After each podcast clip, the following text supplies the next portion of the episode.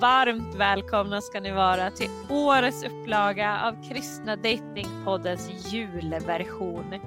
Vi hoppas att vi kan vara i ert sällskap ett par timmar i alla fall på denna underbara härliga dag. Och med oss så har vi i år en massa härliga gäster från öst till väst. Ja, från hela vårt avlånga land faktiskt. Som förhoppningsvis ska skänka oss lite glädje till oss den här julafton. Varmt välkomna till årets julspecial!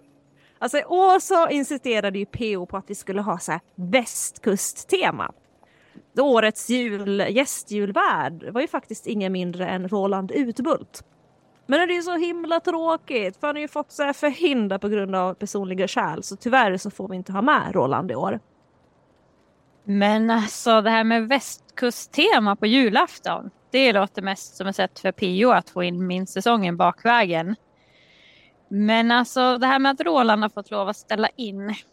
Eh, innebär det att det bara blir vi tre år då eller? du, du trodde det va? Alltså det tog PO mindre än 20 minuter så hade han så jagat ner två nya pensionärer från original minst sången ensemblen att sätta Roland, alltså att ersätta Roland med. Två nya? Ja, jag vet ju att han diggar Kurt och den där andra Roland. Men Kurt är ju hemgången. Vilka finns det mer i detta till synes bottenlösa hav av mormor och morfar-artister? som han brukar vilja rota fram. ja men du, känner du till Per Filip och Mia Maria? Mm, ja, men det låter bekant. Ja, men om jag sjunger så här då. Till en stad jag är på vandring där som rosor aldrig dör. Åh, jag älskar den! Ja, den har jag hört dessvärre på begravningar men jag, det är en jättefin sång. ja. ja, men P.O. upptäckte ju att han nästan bor granne med paret, paret som faktiskt har skrivit den. Eh, och de ska tydligen vara så här superkärnor ifall man så här då bor på ålderdomshem eller heter P.O. Flodström. Eh, så vi är faktiskt på väg dit snart. Så fort han har så här skrapat av bilen, för det är massa snö här, Sjukt galet mycket snö faktiskt här i Gnesta. Men Tess, hur har du det jävla? Alltså jag läste ju att det kom en ny snökanon där i början av advent. Blev ni insnöade igen liksom? Som det var så här vintern 98. Som tycks vara så här ett kollektivt traumatiskt minne för alla med anknytning till Gävle. Ja, alltså just den andra advent 98. Då var jag ungefär 13 år. Och eh, skälet till att vi minns den så väl är ju för att det är den eh, mest dokumenterade snöstormen under hela 1900-talet. Hela stan, eh, ja, med ungefär våra 100 000 medborgare var ju helt lamslagen. Allting stängdes ner över natt. Eh, alltså bussar och tåg och skolor och arbetsplatser stängdes. Även operationer på sjukhuset eh, ställdes in och ambulanserna var tvungna att ersättas av bandvagnar. Alltså det var ju, alla som jobbade på sjukhuset till exempel kom ju och blev upphämtade med bandvagnar. Var... Oh, alltså bandvagnar säger alltså, nu, nu kan jag tänka mig att Fritiof håller det här som ett väldigt varmt minne om hjärtat. Ja, det skulle jag tro det var en tid för militären och hemvärnet att få skina verkligen. Militärens undsättning eh, de anlände ju från Dalaregementet i Falun till exempel eftersom vårt regement I14 här då eh, avvecklades för att det som ja, för att det skulle bli högskolan som det är idag. Ja men what? Seriöst Sess? Alltså behövde ni sätta in militären bara för att det kom lite snö? Alltså seriöst! Alltså vad är det med er svenskar? Alltså det är ju ingen korri någonstans. Alltså så här, skulle vi sätta in militären så fort det kom lite snö i Finland? Alltså vi skulle ju så här eh, hela försvarsbudgeten skulle ju vara rykt redan så här halvvägs in i januari varje år. Ja, jag förstår att det låter lite konstigt och särskilt vi som inte har genomlevt det. Eller genomlevde det då, 98 rättare sagt. Men vad eh, ni och lyssnarna måste förstå är att då på kvällen den 5 december så drog det in en snökanon över Gävlebukten. Och det, den stormen bestod av nysnö. På bara några timmar så gick vi från en centimeter till 131 centimeter. Eh, polisen stängde av E4 och alla riksvägar som ledde in mot stan. Elen slutade fungera för vissa och ja, staden blev som sagt lamslagen i nästan en vecka. Det var inte förrän den 11 december som stan var igång igen. Jag kommer ihåg det här så väl för jag var hemma hos pappa den här eh, kvällen och eh, han skotta och skotta och skotta och skotta och gången blev smalare och högarna bredvid blev högre och högre och högre. Vi hade snö ända upp till taket. Men, oj, alltså wow! Alltså jag tycker det här är så inspirerande. Alltså jag hade ju velat vara med då, för jag är ju verkligen så du vet, jag älskar ju snö. Ju mer snö, desto bättre. Alltså i min värld kan det ju inte komma för mycket snö liksom. Så jag hade verkligen velat vara med där. Men alltså så här då, hur tillbringade den 13-åriga Tess veckan mellan andra och tredje advent för 25 år sedan? Det kanske så här fanns någon trevlig rödhårig pojke som du hade lite light-mys med kanske? Nej, som sagt så var jag ju det var pappas helg, jag var där varannan helg och då råkade ju han eh, fast där med mig och min bror och vår yngsta bror så att säga. Så det var ju mest och, och eh, Ja, det var ju till och med svårt att åka pulka de här dagarna. Man skulle ju helst hålla sig borta från alla snömängder. För hoppar du ner i en snöhög så var det inte säkert att du kunde komma upp. Eh, ett starkt minne är att vi gick på vägarna för att vi skulle försöka hinna till Ica och köpa mjölk och fil och sånt där. För det var ju svårt med de här matleveranserna också och det var ju jättemycket folk som ja, ville handla också såklart. Men eh, ja, vi höll oss eh, på skottade vägar och vi höll oss inne för att inte störa plogarna och bandvagnarna. Alla de där tills, tills trafiken kunde komma igång lite mer. Och 13 år? Nej, det var inte så många som var kära i mig när jag var liten. Jag var nog 16 när jag skaffade min första pojkvän faktiskt. Mm, så det var ingen sån här flört när du var typ så här 10 då?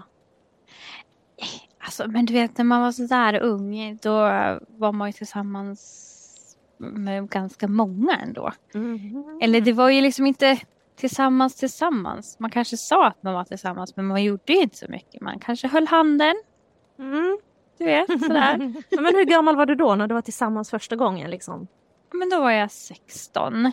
Okay. Eh, mm. Och han var bra mycket äldre. Mm. Faktiskt. Så det var Det var lite en upplevelse. Vi var väl tillsammans i fyra år ungefär. Mm. Ja, men då var det ju ändå seriöst. Så. jo men det var det. Vi blev ju sambo och alltihopa mm. sådär. Så att, eh, men eh, på tal om barndomskärlekar, hur var din första förälskelse Silla? Det har vi väl aldrig pratat om? Mm, nej, det har vi nog aldrig pratat om faktiskt. Jag, jag måste så tänka, det var så himla länge sedan. Ja, men alltså, jag kommer ihåg så här när jag gick på högstadiet, jag kanske var typ så här 15 eller någonting. Då hade jag verkligen crush på en kille som gick ett år över mig. Liksom. Jag tror att jag gick i åttan och han gick i nian. Och jag var liksom, alltså jag var så insnöad på den här killen.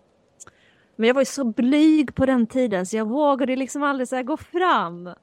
Alltså det, jag har ju lite av den här blygheten kvar på ett sätt idag liksom. Jag kan ju tycka att det är lite jobbigt så när man gillar någon man så här, verkligen går fram. Eh, men då var jag jätte, jätteblyg. Jag var super, super blyg var jag. Men sen det kom jag som vanligt tonåring. Ja, men sen kommer jag ihåg vid ett tillfälle när jag liksom insåg att ja, men nu får jag göra slag i sakerna verkligen så här. Eh, jag måste visa något slags intresse för annars kommer jag liksom aldrig få den här killen ur huvudet. Uh, så, så jag tror att efter så här ett, ett och ett halvt år så fattade jag mod och skickade ett sms. Jag kommer inte ihåg exakt vad jag skrev men ja, ni vet ju hur jag är, rak och tydlig liksom, inga krusiduller. så att jag var nog väldigt så här, skickade ett sms, jag frågade liksom Hej, jag tycker det är väldigt fint och jag undrar, skulle du vilja bli tillsammans med mig? Eller typ något sånt där. Och sen kommer jag, så, jag kommer så väl ihåg svaret för han var verkligen inte intresserad. Så han bara nej, jag skulle nog inte tro det. Eller något Mm. sånt där. Åh. Men det var ju ändå gulligt och det var ju snällt av honom att svara. Ja, så det är väl, man måste ju våga fatta mod. Så tänker jag fortfarande idag över, vad är det? 25 år senare. Mm. Det är viktigt att våga. Men så är det ju. För på den tiden då kunde man ju ändå liksom skicka sina kompisar. Kan inte du fråga vad han tycker om mig? Ja. alltså det är så här, det värsta man kan få det är ett nej. Men det Ja, är så ja. fruktansvärt obehagligt ibland att få det där nej. Och det tror jag liksom alla på något vis kan relatera till att det är så obehagligt så att det är därför många inte tar initiativ för att man inte vill bli avvisad. Så är det. Och det, en sån känsla sitter ju kvar ganska länge. Men samtidigt så, i alla fall jag personligen har börjat bearbeta det och tänkt att ja men hellre ett nej. Då vet jag och så kan man eh, agera därefter och gå vidare. Exakt, det finns ju ingenting tycker jag som är så jobbigt som att gå runt i den här ovissheten och inte veta. Då går man så runt och tänker på människor hela tiden, man så analyserar saker i detalj och liksom man, det bara går runt, runt, runt, runt, runt. Och det är mycket bättre att man får veta. Även om Mm. det inte är vad man önskar få höra så är det bättre liksom att få det ändå. Nej men precis. Raka rör. Raka rör! Ja, jag Inte till skillnad från ghosting. Exakt, jag till skillnad från PO har ju inga silkesvantar jag rullar inte in saker i silkespapper utan här är det rak och tydlig kommunikation. Så gillar vi. Ja. Det var ju ganska bra det också när vi gick i skolan. För då hade man inte ghosting på samma sätt. Och just för att man gick i samma skola eller typ i samma klass så var det lite svårare att ghosta. Mm. Exakt. Ja, men alltså nu verkar det som att PO så har blivit klar med bilen här faktiskt. Såg precis hur Kristin stövlade ut med skoveln i högsta hugg för att skotta ner den här stora snövallen som är här. Så nu ska jag gå ut och hjälpa till lite här tänkte jag. Men eh, lyssnarna får under tiden hänga med och träffa en kollega till dig, sjukhuspastorn Roland Stare. Men det ska bli kul. Han verkar mysig. Men eh, vi kan väl inleda med att lyssna på hans hitlåt. Låt våra hjärtan mötas.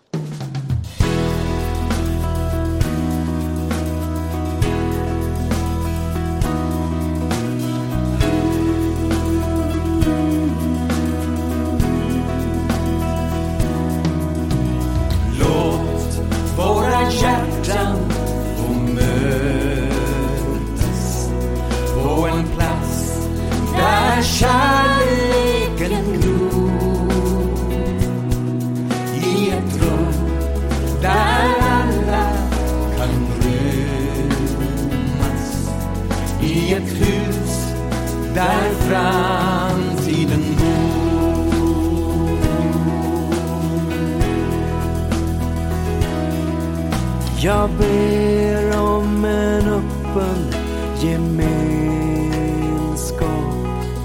förankrad i trons hemlighet.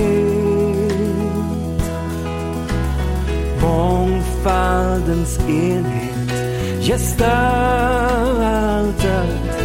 i sann och varm medmänsklighet.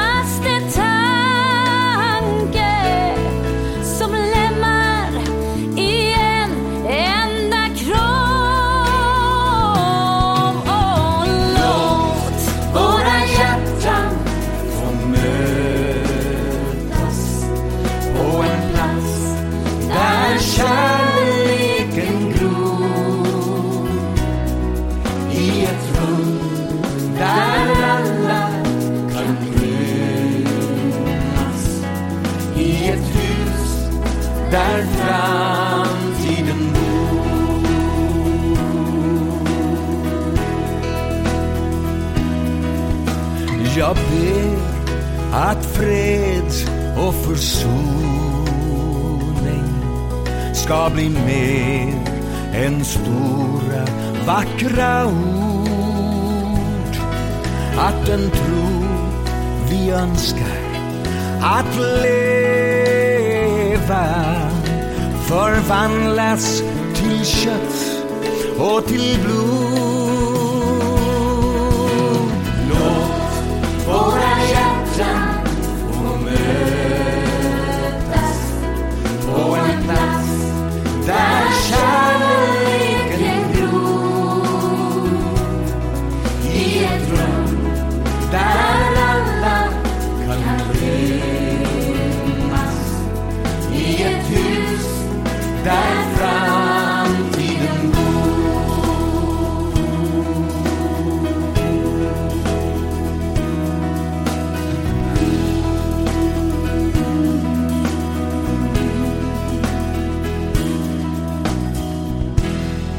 Men du är ju född och uppvuxen i Sri Lanka som missionär som jag har förstått det. Och innan du hamnade i Sverige där du nu alltså har jobbat i ett 20-tal år som pastor i tre olika pingstförsamlingar. Och nu senast då tillsammans med en av våra andra gäster, Urban Ringbäck. Eh, med fokus på omsorg och sjukhus. Alltså kan du inte liksom berätta lite grann kring de största skillnaderna mellan att fira jul i Sri Lanka och i Sverige? Jag tänker mig att det kan vara ganska stora skillnader. Men det, det, det är det ju. Jag, jag föddes ju på Sri Lanka eh, och kom till Sverige kanske vart femte, sjätte år. Så att det hann ju hända en del saker emellan.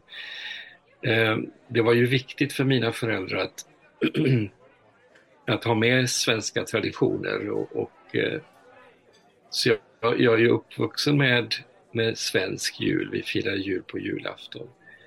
Eh, men på Sri Lanka så är det juldagen man firar framförallt. Det är ju utifrån både 150 år av, av brittiskt styre, 150 år holländskt och 150 år portugisiskt. Så att det, det är en, en, en salig blandning utav, utav traditioner, framförallt jultraditioner. Ehm, men det, svenska julfirandet var, var viktigt.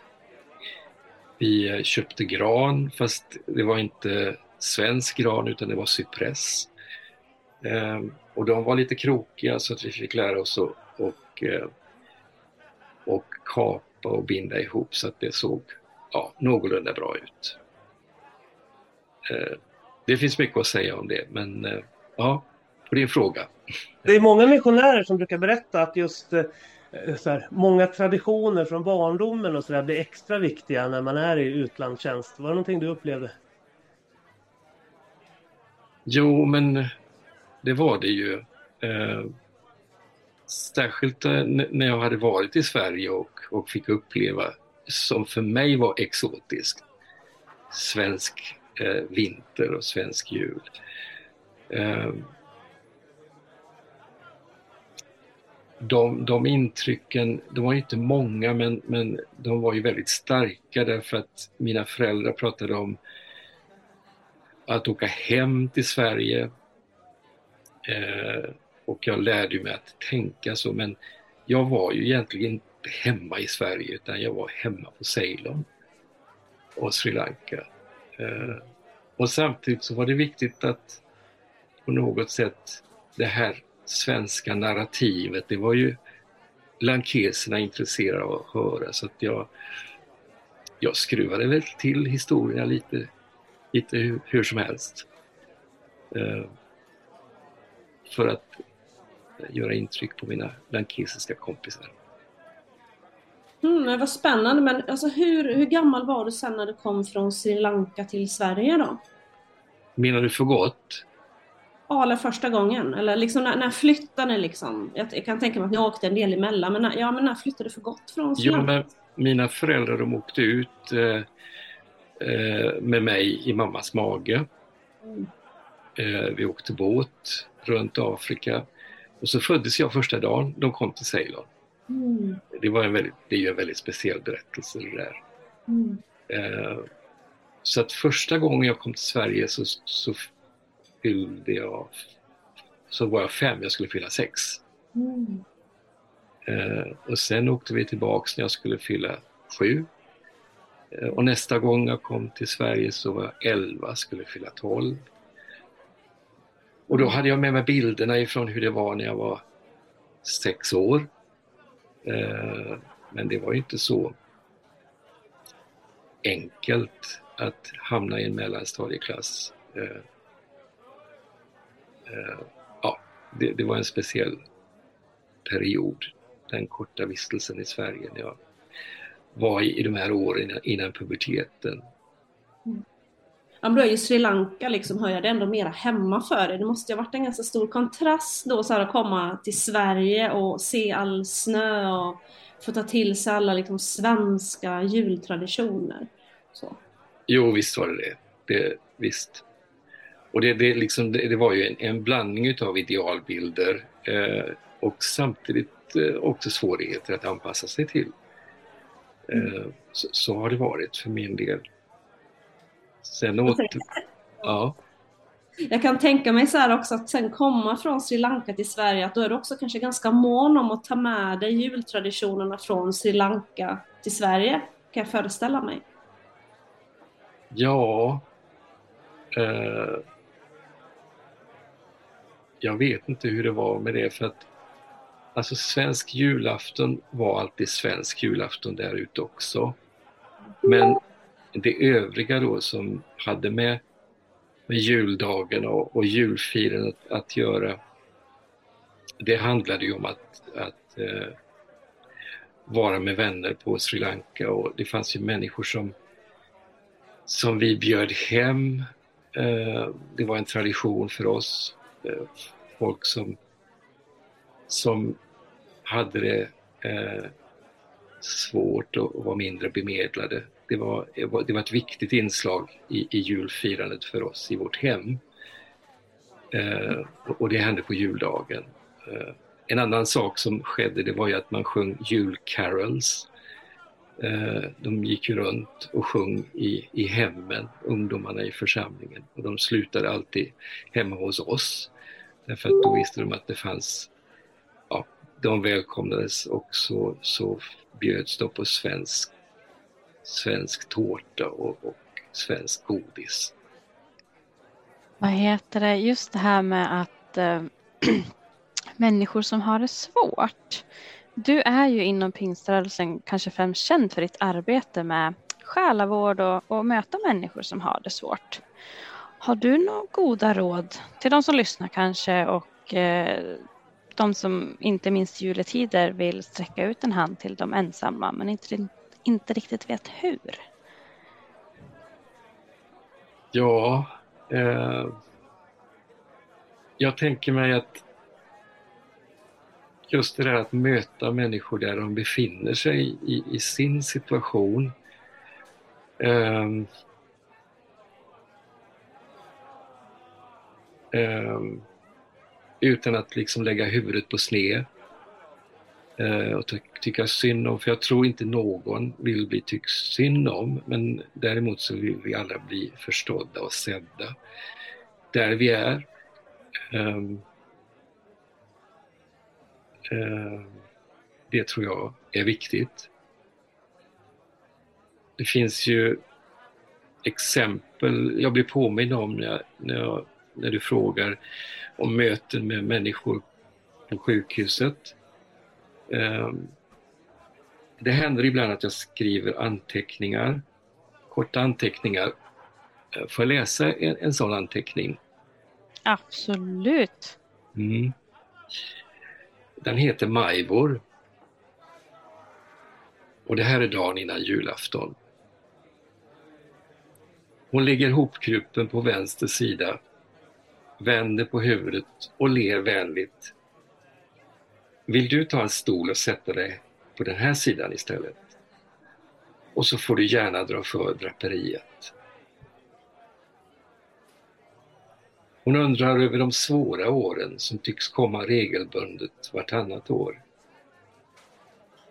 Nu ligger jag inne för ett komplicerat benbrott och tidigare i år låg jag på en annan avdelning för min cancer.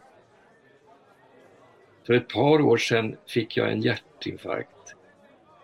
Två år innan det blev jag änka för andra gången. Min första man, som var mitt livs stora kärlek, dog för 20 år sedan. Och jag undrar, är lidandet något man får för att man förtjänar det?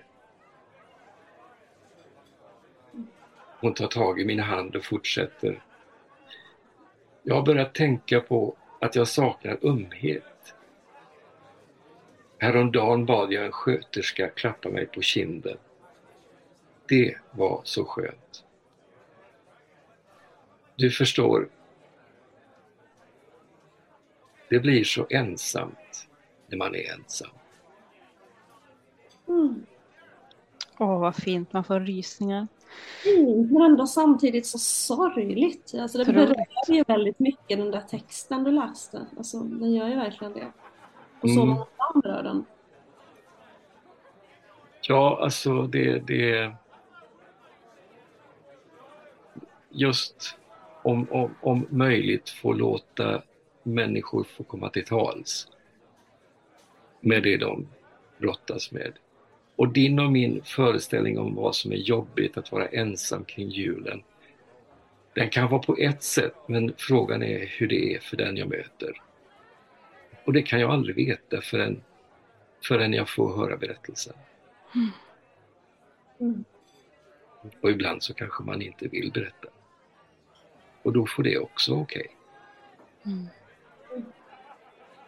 Eh, det fanns ju en underliggande ton också, någonting som jag träffar på framförallt kanske bland människor som befinner sig liksom i kristendomens mer yttre kretsar. Så om att man har en bild av att Gud straffar och att eh, det är Gud som skickar lidandet som ett straff och sådär. Eh, Jag tänker eftersom du har rört dig mellan så stora spann som både Svenska kyrkan och pingströrelsen. Är det här någon teologi som du uppfattar att vi fortfarande dras med? Jag kan ta ett exempel. Jag pratade med en kille som är aktiv i Livets Ord för några månader sedan.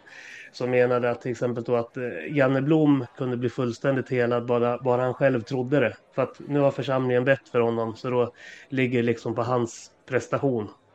Eh, och eh, han kunde inte ta in att det kunde vara på något annat sätt eftersom han liksom är indoktrinerad i framgångsteologin och trosförkunnelsen och sådär. Eh, och det där finns det ju spår av i vår miljö också, även ifall vi har gjort upp med Ulf Ekmans skadliga vanföreställningar under de senaste 20 åren. Men ja, vad är din bild Roland? Ja... Eh, jag, jag får ju rysningar i ryggraden när du, när du nämner det här.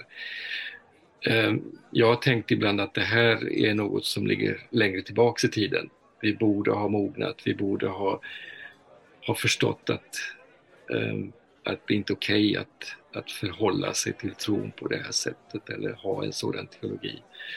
Men jag möter det fortfarande. Jag möter det senast i somras. Eh, en, en person som kommer in och vill ha ett samtal och berättar om ett, en församlingssituation just nu där han skuldbeläggs för sin, för sin eh, bristande tro. Att han inte tar emot helande och att eh, ja, orsaken till att han inte blir frisk är förmodligen att han eh, att han är oren, att han inte lever tillräckligt nära Gud. Alltså det där sättet att... Ja, det, det, det, jag finner inga ord för hur, hur, hur fruktansvärt det här är. Uh, och det tycks som att det här är något, någonting som vi ständigt får stå på barrikaderna uh, emot, men framförallt jag tänker för uh, människor som, som är utsatta och som, som har det svårt.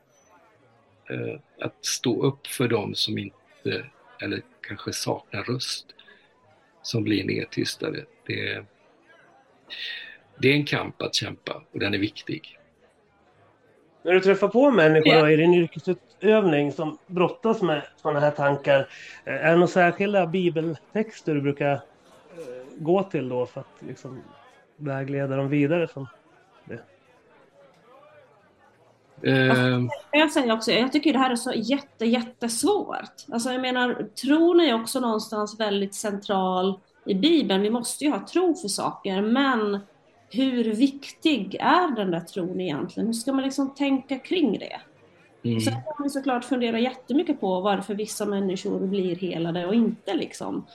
Beror, är det liksom, beror det på mig eller beror det på Gud? Eller liksom, vad är det som gör att vissa människor får ett helande medan andra inte får det? Liksom? Men det kan man ju såklart fundera super, super mycket på. mm. Det är Två stora frågor här Roland, så du får börja med den ena och sen gå över till den andra. Ja, vilken var den första då? Ja, den första var vilka bibelställen som du går till när du möter människor som brottas med sådana här tankar. Jag tänker att du kanske läser för dem ur... Ja, psalm 139 är ju en viktig text eh, som, som beskriver ändå oavsett var jag befinner mig i livet. Eh, om jag står längst ute i havet, ungefär som jag är på Öckerö. Eh, eller om, om, om, om livet är, är ett helvete, så är Gud där också. Eh, det, det, det är liksom Har du någon bibel i närheten får du gärna läsa den. Ja, psalm 139. Ska vi se. Ja, den älskar jag, den är mina favoritsalmer. Eller om Silla har en bibel i närheten, kan du ta den? Jag har ju min bibelapp. Ja, just det. Ja, Du är så här. Jag har min bibel på jobbet just nu, vad vi känner. Ja, men jag, jag kan läsa här, psalm 139 här. Ska jag läsa hela? Första 18 verserna kanske. Första 18, men då kör vi. Psalm 139. Herre, du rannsakar mig och känner mig. Om jag står eller sitter så vet du det. Fast du är långt borta vet du vad jag tänker. Om jag går eller ligger så ser du det. Du är förtrogen med allt jag gör. Innan ordet är på min tunga vet du, Herre, allt jag vill säga. Du omger mig på alla sidor. Jag är helt i din hand. Den kunskapen är för djup för mig. Den övergår mitt förstånd. Vart skulle jag komma undan din närhet? Vart skulle jag fly för din blick? Stiger jag upp till himlen så finns du där. Lägger jag mig i dödsriket så är du också där. Tog jag morgondagens vingar, gick jag till vila ytterst i havet, skulle du nå mig även där och gripa mig med din hand. Om jag säger mörker må täcka mig, ljuset omkring mig blir natt, så är inte mörkret mörkt för dig. Natten. Ja. Vad sa du, natten? eh, natten är ljus som dagen, själva mörkret är ljus. Precis. Mm, Det är en stark text. verkligen. Ehm, och samtidigt så är det inte alltid så enkelt att ta till sig det där. Ehm, men eh, den säger, tycker jag, alldeles tillräckligt. Mm. Sen bygger man inte teologi på en text. Det gör man inte, men eh, det stämmer så väl överens med bilden om, om, om, eh, om hur Gud som är långt borta blir människa för att vi ska se och förstå vem han är. Ändå är han outgrundlig, men, men det är genom detta eh, människoblivande som vi kan ana och förstå hurdan Gud är. Mm. Men om vi ska återkoppla till Sillas fråga då. Greger Andersson formulerade det så här. Hur kan vi tro på helande utan att förneka lidande? Och det var lite så det Silla var ute efter också där. Och Ja, vad är det som gör att tror Gud liksom inte... Ja, alltså det, tron är ju central i Bibeln. Det är klart att vi måste ju tro på Gud, liksom. det är, alltså, tro på att han kan utföra mirakler och så vidare. Liksom. Men hur, hur central Ja. den tron egentligen? Hur ska man se på det? Mm. Alltså det, jag tänker att eh, eh, vi, vi, vi vill ju gärna, det finns ett behov hos människan att förstå, att begripa, eh, att också kunna hantera eh, en situation i livet. Men också känna mening. Eh, jag tänker på, på Antonovskis eh, resonemang i Hälsans mysterium. Eh, och det knyter ju an också till vår föreställning om, om livets mening, om, om Gud. Eh, och så vill vi gärna se att det måste finnas en mening och en utav de minst hjälpsamma saker att säga till en människa som lider och som inte upplever att man får det bönesvaret man önskar och man behöver, det är att säga att det måste ha någon mening. Eh, det första jag säger i ett sånt läge är att det, det här är så meningslöst det bara kan bli. Det finns ingen mening. Mm. Alltså som att Gud skulle skicka en sjukdom, en olycka, för ett högre syfte. Det stämmer inte med bilden av Gud. Men att det finns någon som bär oss oavsett. Och så finns där i lidandet. Mm. Eh, Jag tycker ju att salmen vi har läst, den uttrycker ju det här väldigt tydligt. Jag, tänk, jag tänker att det finns en nyansskala också. Så här, att det handlar inte om att Gud sänder lidande, men att när vi rör oss utanför hans eh, råd för hur vi ska leva våra liv så exponerar vi oss för eh, faror och risker. Eh, ibland. Men sen, men sen vissa saker går inte att koppla till det heller. Så att jag tror att eh, man måste tänka att det, eh, det finns ingen generell regel. Så. Men just det där med helande tänker jag är en svårighet. Min kompis Joakim Elsander som var med i, för ja, vad måste det vara nu, tre år sedan. För han, han gick ju bort sen i januari, februari året efter. Eh, Han var ju också brukar- sjukhuspastor.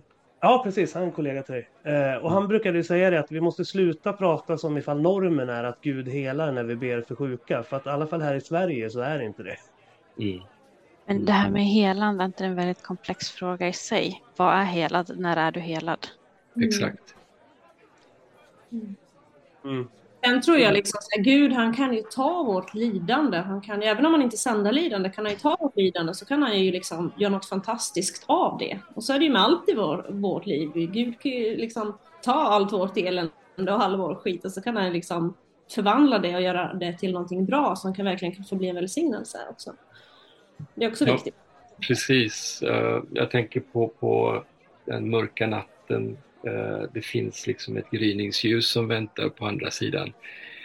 Eh, bilder ifrån, ifrån naturen eh, hjälper oss att, att förstå att det finns också en, en annan dag. Det finns en, en morgondag som kommer.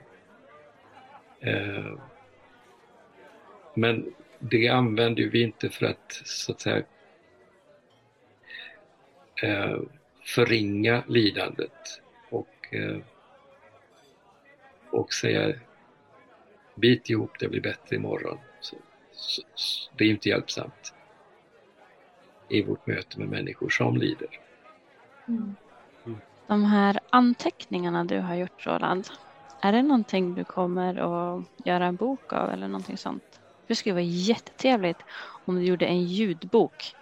Jag skulle Mhm. absolut sätta mig i en soffa och lyssna på din röst och de här anteckningarna. Det är väldigt trivsamt.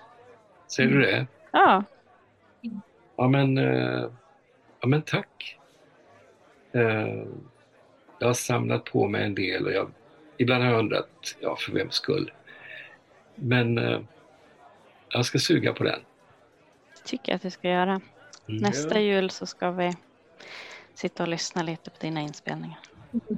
Får väl passa på att göra reklam för Rolands kollega Thomas Sjödin också då, för han eh, har ju spelat in många av sina böcker som just ljudböcker. Och eh, han har ju också den här lugna, trygga rösten som Starre bjuder på. Så det kan vi rekommendera våra lyssnare att kolla in. Thomas Sjödin.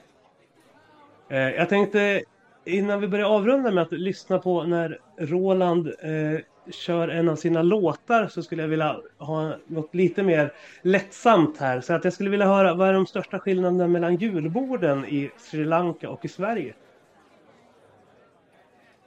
Och hur Ja, ser men- julbordet ut hemma hos familjen Starre? Ja, alltså det, vi är väldigt... Eh, vi, vi har, vi har eh, inte så mycket Sri Lanka på vårt julbord. Det har, vi inte alls. Kanske lite chili i en, eh, i en salsa, eh, mangosalsa. Den är fin att ha, att ha till skinkan och rödbetssalladen.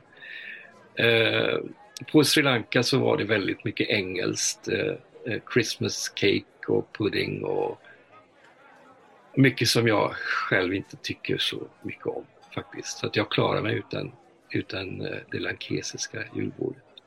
Däremot ett srilankesiskt eh, eh, rice and curry med alla de olika varianterna. Det, det njuter jag av. Oavsett om det är julen och om det är påsk. Vi försöker att ha det lite, lite nu och då i familjen här. Så de gånger jag har möjlighet att åka till Sri Lanka så laddar jag på kryddförrådet och så är det fest när jag kommer hem till Sverige. Är det grytorna du saknar mest nu när du är hemma i Sverige? Frå- Från Ja. Ja, visst. Men det går ju att och, och få till det ganska bra i Sverige nu för tiden. Eh, recepten finns ju på nätet till exempel. En god dal curry och eh, en, en kyckling curry och ris. Eh, och sen coconut sambal, riven kokosnöt med chili i.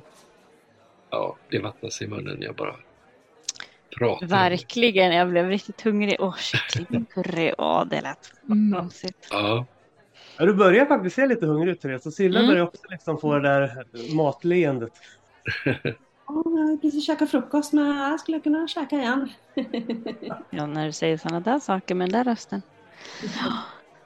Mm. Men avslutningsvis lite om eh, ditt musikskapande då. Eh, när började du, när började du liksom skriva låtar och spela in skivor och sådär? Hur går skapandeprocessen till? Är det erfarenheter från, från livet som behöver liksom bearbetas, komma ut någonstans? Eller handlar det mer om ren musikalisk glädje eller kanske en blandning av båda? Ja, men jag, jag, jag växte ju upp med Beatles. Uh, fast det, vi fick inte lyssna så, så mycket på sånt i vårt fromma hem, men jag, jag lyckades ändå. Och, och um, sen är det så att jag, mycket, ja, jag började väl spela gitarr när jag var tio. Mamma lärde mig de första ackorden. Så vi hade musik i familjen. Uh, men sen när jag kom till Sverige så träffade jag ju en en kompis som heter Lars-Åke Larsson. Eh, vi har kamperat ihop i många år, sedan eh, slutet på 70-talet. För övrigt kan jag säga att han var basist i Roland Utbults grupp som heter TGC, True Gospel Creation. Han är också ifrån Öckerö, Lars-Åke. Eh, vi höll på under, under 80 och 90-talet och reste ganska mycket tillsammans. Så det var ett sätt för oss att bearbeta vår tro faktiskt. Våra samtal under resorna. Eh, och så skrev vi texter och, och melodier var för sig. Så var det, men vi, vi jobbade ihop mycket. Så att vänskapen med, med Lars-Åke har betytt jättemycket. Eh, sen fanns det en tid när, när våra vägar gick åt olika håll för han satsade på sin karriär. Eh, jag träffade och blev vän med Ingmar Johansson. Eh, Rösten Under- här i Stockholm eller? ja, just det. Aha. Så vi, vi, vi, vi skrev en del tillsammans i slutet av, av 90-talet. Och så gjorde jag ett, ett album som heter Emmaus som var någon slags eh, här befinner jag mig nu ungefär. Emmausberättelsen är, är för mig en, en berättelse som är, är viktig och håller. Den skivan träff- har jag. Jaha. Sen träffades Lars-Åke och jag igen och, och började spela och skriva. Så vi, vi gjorde en platta här för några år sedan. Eh, 2018. Så frågan är om vi, ja, vi håller på och, och spelar ihop nu. Sen pandemin kom och ställde till det lite. Precis efter vi hade släppt plattan, eller ganska snart efter. Ja. Sill och Therese, har ni någon mer fråga till Roland innan vi lyssnar på en av hans låtar? Nej, jag ser väldigt fram emot att lyssna mot den här låten. Verkligen. Och så ser vi fram emot en eventuell ljudbok nästa år då. Mhm. Kanske blir årets julklapp 2024. Ja, Vilken idé! Ja. Tack för den! Och tack för att jag fick vara med. Nej, vi Du ville vara med. Jättekul att ha dig som gäst. Ja. Tack, tack, tack. Kom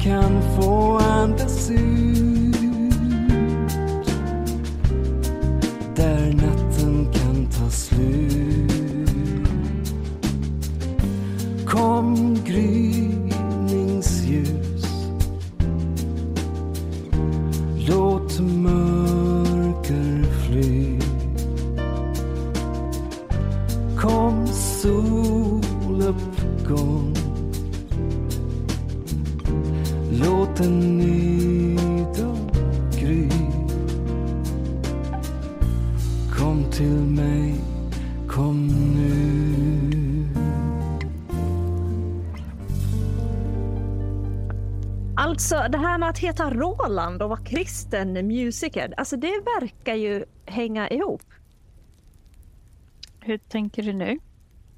Alltså jag menar så här, eh, Roland Utbult, Roland Stare, Kurt och Roland, alltså listan bara så här fortsätter. Så länge du inte räknar in Roland Cedermark till den här listan så är jag helt med dig i alla fall. Nej men vadå Peo? Det är ju du som gillar sån här muppmusik från våra mor och fars föräldrars tid. Alltså jag är så här mest förvånad över att du inte så här bjudit in Christer Sjögren till podden än. Till och med jag har väl mina gränser. Ja, jo, jag kan just tro det. Alltså nu är ni båda muppar. Det är inget fel på lite dansbandsmusik. Och inte minst på sommarens campingar. Den är. Men om ni är framme hos Mia, Marianne och Per Filip nu, då behöver jag fixa lite med barnens julklappar. Så jag mutar av en liten stund, så hörs vi om ett tag. Okej, för det är så här att nu har vi ju faktiskt kommit fram till Mölnbo där vi nu faktiskt sitter tillsammans vid köksbordet hemma hos inga mindre än Mia Marianne och Per Filip Waldenstad. Och tillsammans så har ju ni gett ut över 27 stycken skivor i eget namn. Varav flera faktiskt har fått både guld och platina utmärkelser. Och jag är en sån här person som verkligen så här gillar så här kreativa människor som liksom har den här liksom förmågan att alltså, göra någonting konkret av sina idéer. Så jag hissnar verkligen vid tanken på hur mycket ni har producerat genom åren. Så Mia Marianne, alltså, vart kommer all den här liksom inspirationen ifrån? Ja, det kommer väl först genom vår tro och sen djur, natur. Ja. Och eh, ja, arv också. Min far var camping, lite musik och sång och Mias far var en duktig sångare. Kommer från barndomshemmen.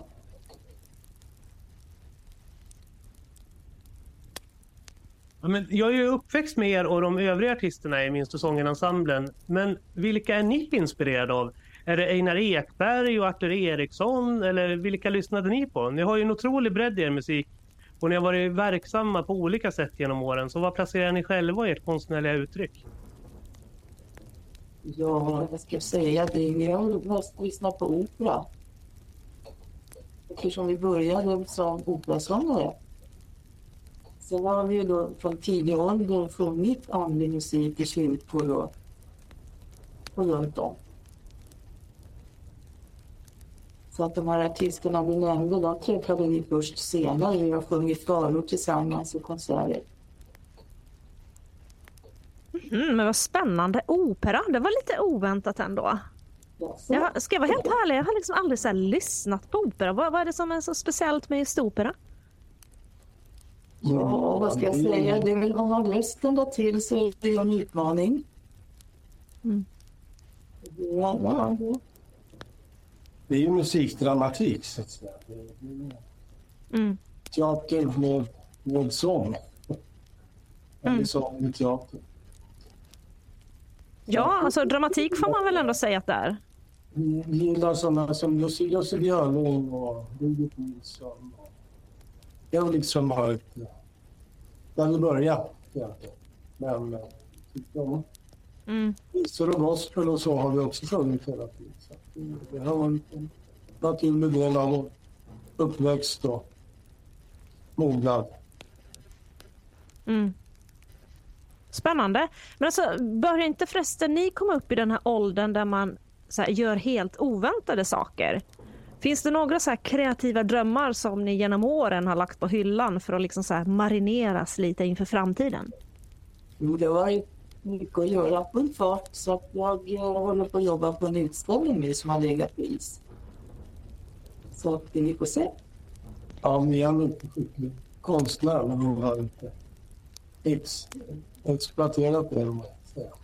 Är det målar ni eller drejar eller vad är det för utställning? Målar, målar och applikationer. Spännande. De har När- så många veckotidningsreportage men de har inte varit på utställning. Ja, vad spännande. När är tanken att den utställningen ska ske? Ja, vi får se. Det inte värt att säga något datum. Jag förstår. Men hur ser framtiden ut för andlig musik i Sverige då? Och vad lyssnar ni helst på själva? Jag vill lyssna ofta på gamla bekanta som inte finns med oss just nu. Artur till exempel. Och Jan. Ja, det är många. Yngre lyssnare får vi säga då att det är Jan Sparring och Arthur Eriksson de syftar på när de säger Arthur och Jan. Och att de, hade, de kände vi Det var goda vänner. goda vänner. Mm. Men alltså så här, eh, på tal om den andliga musikens framtid i Sverige så träffade ju du P.O. Roland och Urban och Anders från Saliga sånger i Nashville för bara någon dag sedan. Alltså jag hörde ju att eh, du och Anders även har jobbat med en så här, ja, men stor projektansökan till Statens kulturråd som faktiskt omfattade flera miljoner. Alltså, berätta, hur gick det med det? Jag har inte hört något om det på länge. Nej, och det finns ju ett skäl till det. Det gick inte så bra. Eh, ansökan eh, som ställdes mot Kulturrådets återstartsfond för kulturlivet efter corona eh, fick tyvärr avslag och vi fick ingen motivering på varför vi fick eh, avslag på den. Eh, när jag gick in och kollade in listan på beviljade medel för ja, alltså de projekten som hade fått så var det så här L-teater och konstutställning för bävrar och lite annan experimentell scenkonst. Så att, eh, ja, jag hade lite svårt att se hur, hur det kunde prioriteras högre än, än kyrkans musikliv. Framförallt då vi liksom har stått helt på egna ben genom historien utan bidragsmedel. Ja men där har du svaret PO! Varför ska du hålla på och söka många miljoner bidrag till frikyrkan ifall den klarar sig själv? Bidrag? Nej tack! Basilla, både du och Per Filip och Mia, Marianne och Tess och jag och alla andra, vi är skattebetalare som alla andra. Så varför ska våra skattepengar enbart gå till en massa trams istället för att återföras till vår egna rörelse? Alltså så här, Det var bra. Ja, Alltså jag tror ju att risken är stor att vi normaliserar det här med att flytta runt pengar via skattesedeln ifall vi själva börjar göra våra verksamheter beroende av just skattepengar. Eller hur tänker ni Mia, Marianne och Per Filip? Ni har ju faktiskt bott i USA. Nej, det är, det är en missuppfattning. Vi har varit där några gånger. Jag var ju där och gjort gästkonserter och stor tv, men vi har inte bott där. Så. Nej.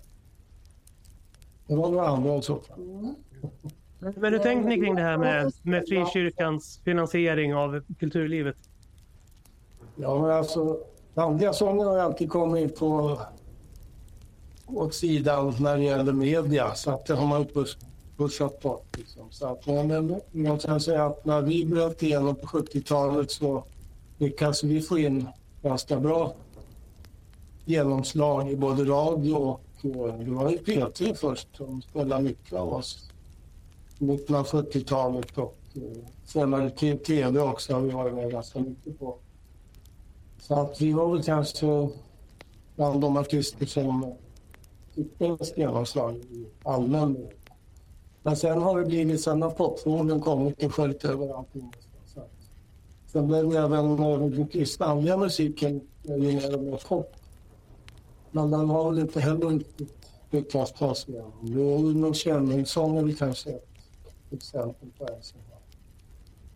Har ni något riktigt starkt julminne? Till exempel från en uppträdande eller något dylikt?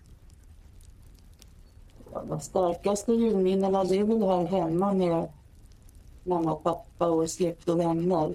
Det är väl det som jag bär i hjärtat. Sen har det varit många olika konserter och episoder och fina stunder. Ja. Vi kanske ska ta. Vi kanske ska ta och lyssna på lite julmusik. Vi har ju fått, eh, vi har fått några riktigt juliga låtar här som Per Filip har tagit fram ur ert stora arkiv av, av jullåtar innan vi släpper in Anders och Urban och, och Roland. Tänkte vi skulle lyssna på Min barndoms jul med er. Kan ni berätta lite grann om, om den? Ja, det är en sång som min pappa skrev en gång på beställning till en megastjärna på 50-talet som hette Snoddas Nordgren. Han var superstjärna då. Så den låg på topp, topplistorna då. På. Och sen eh, 25 år efteråt så sjöng Mia Marianne och jag. Han var på Svensktoppen. Det borde vi så Då stod det på löpsedlarna Svensktoppspar på ja, par på Svensktoppen, från Strängnäspar från Strängnäs på toppen. Svensktoppen. Och eh, senare sjöng vi in och gjorde en, en en jul-LP. Som som blev platinaskiva. Ja, det blev vår stora julhit. Mest skjuts och dör. Ja. Då ska vi lyssna på den, Min barndomsjul.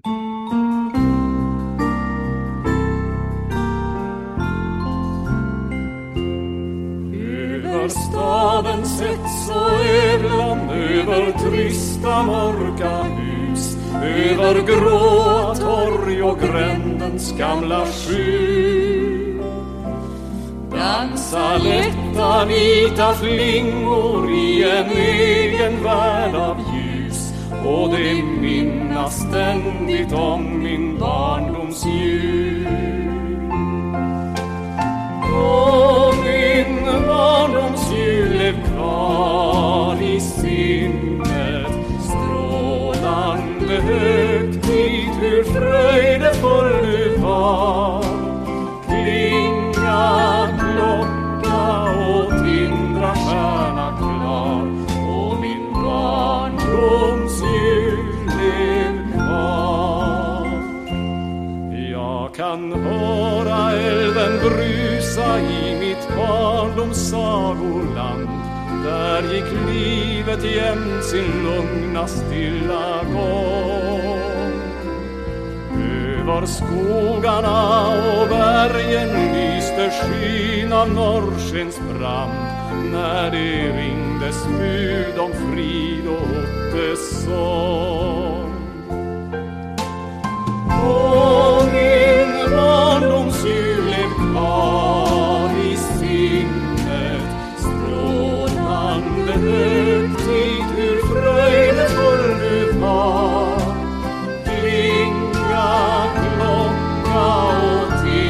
stjärna klar Och min barndoms jul lev kvar Ja, där hemma lyste julen nattens stjärnor med en glans som var lånad ifrån himmelrik som mor. Där sjöng forsarna och skogarna som ingen annanstans och i var glädjen ren och stor. Och min barndoms jul lev kvar i sinnet. Strålande högtid, hur fröjdefull du var. Klinga klocka och tindra stjärna.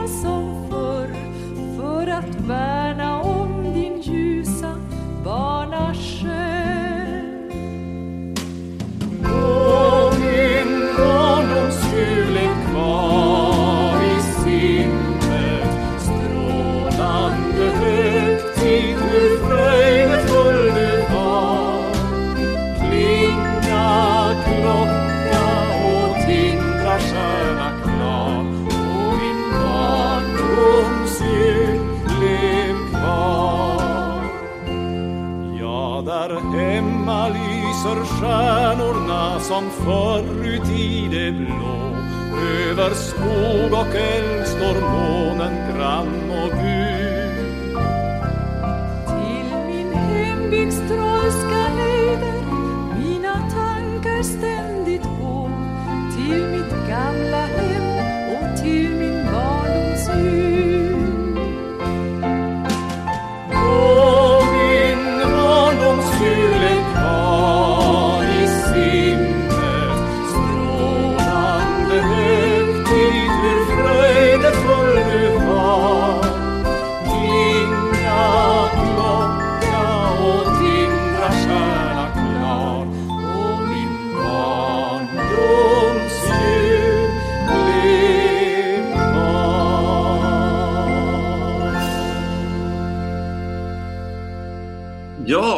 Trevligt att se er igen så här i juletider. Och eh, har ni hunnit, Anders och Urban, har ni hunnit smälta alla intryck från eh, det fina mottagandet av Saliga sånger i, i Nashville.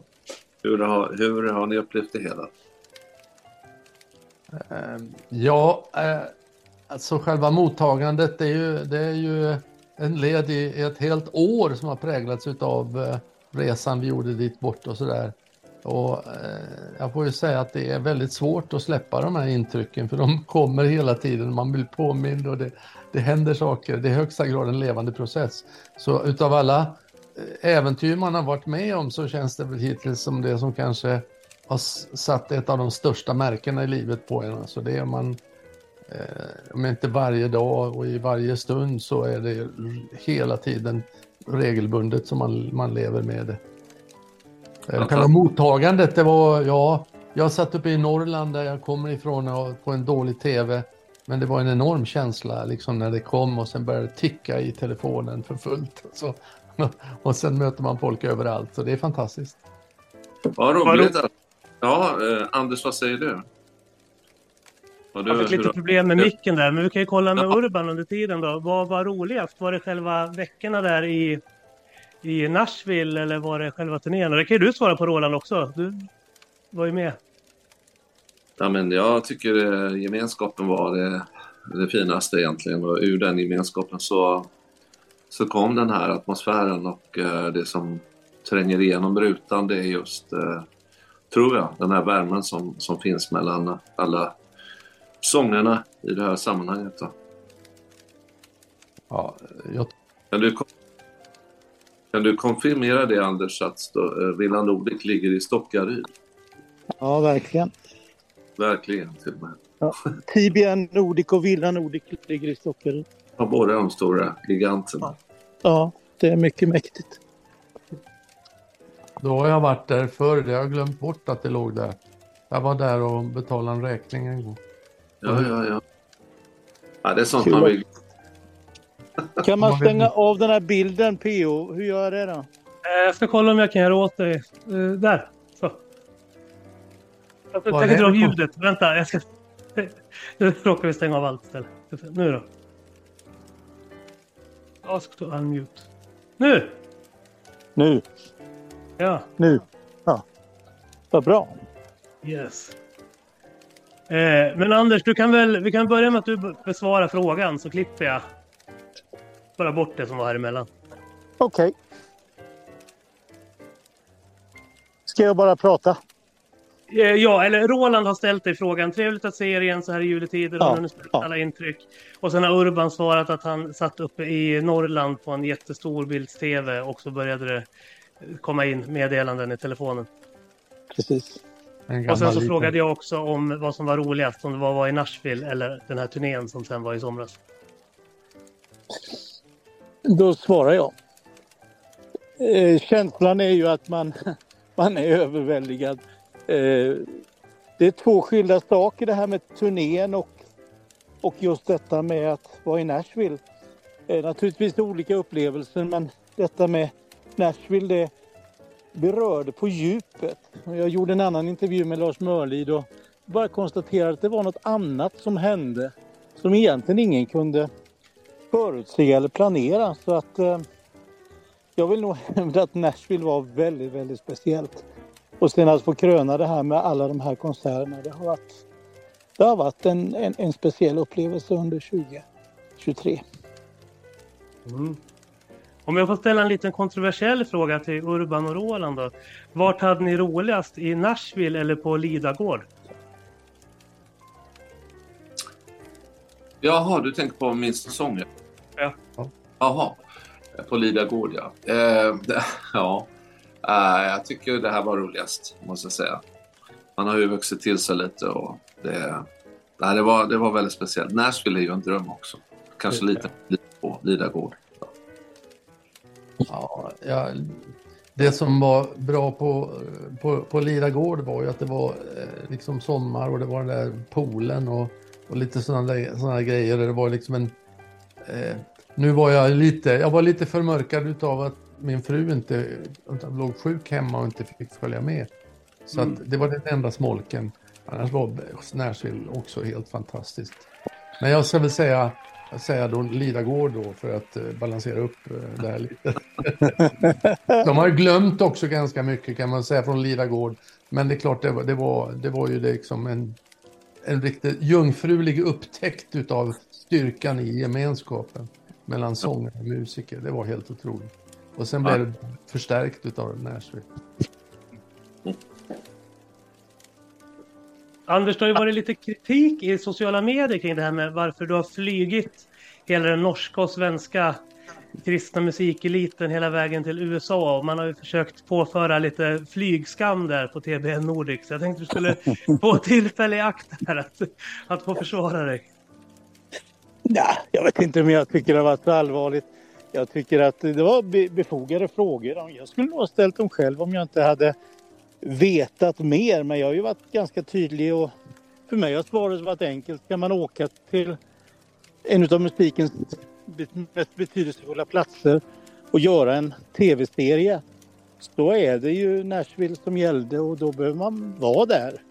Och den andra viktiga frågan för mig var att med väldigt begränsad budget så visste jag att kommer vi dit, kommer vi till, till TBN studio så behöver vi inte även vara oroliga för kvaliteten på produktionen.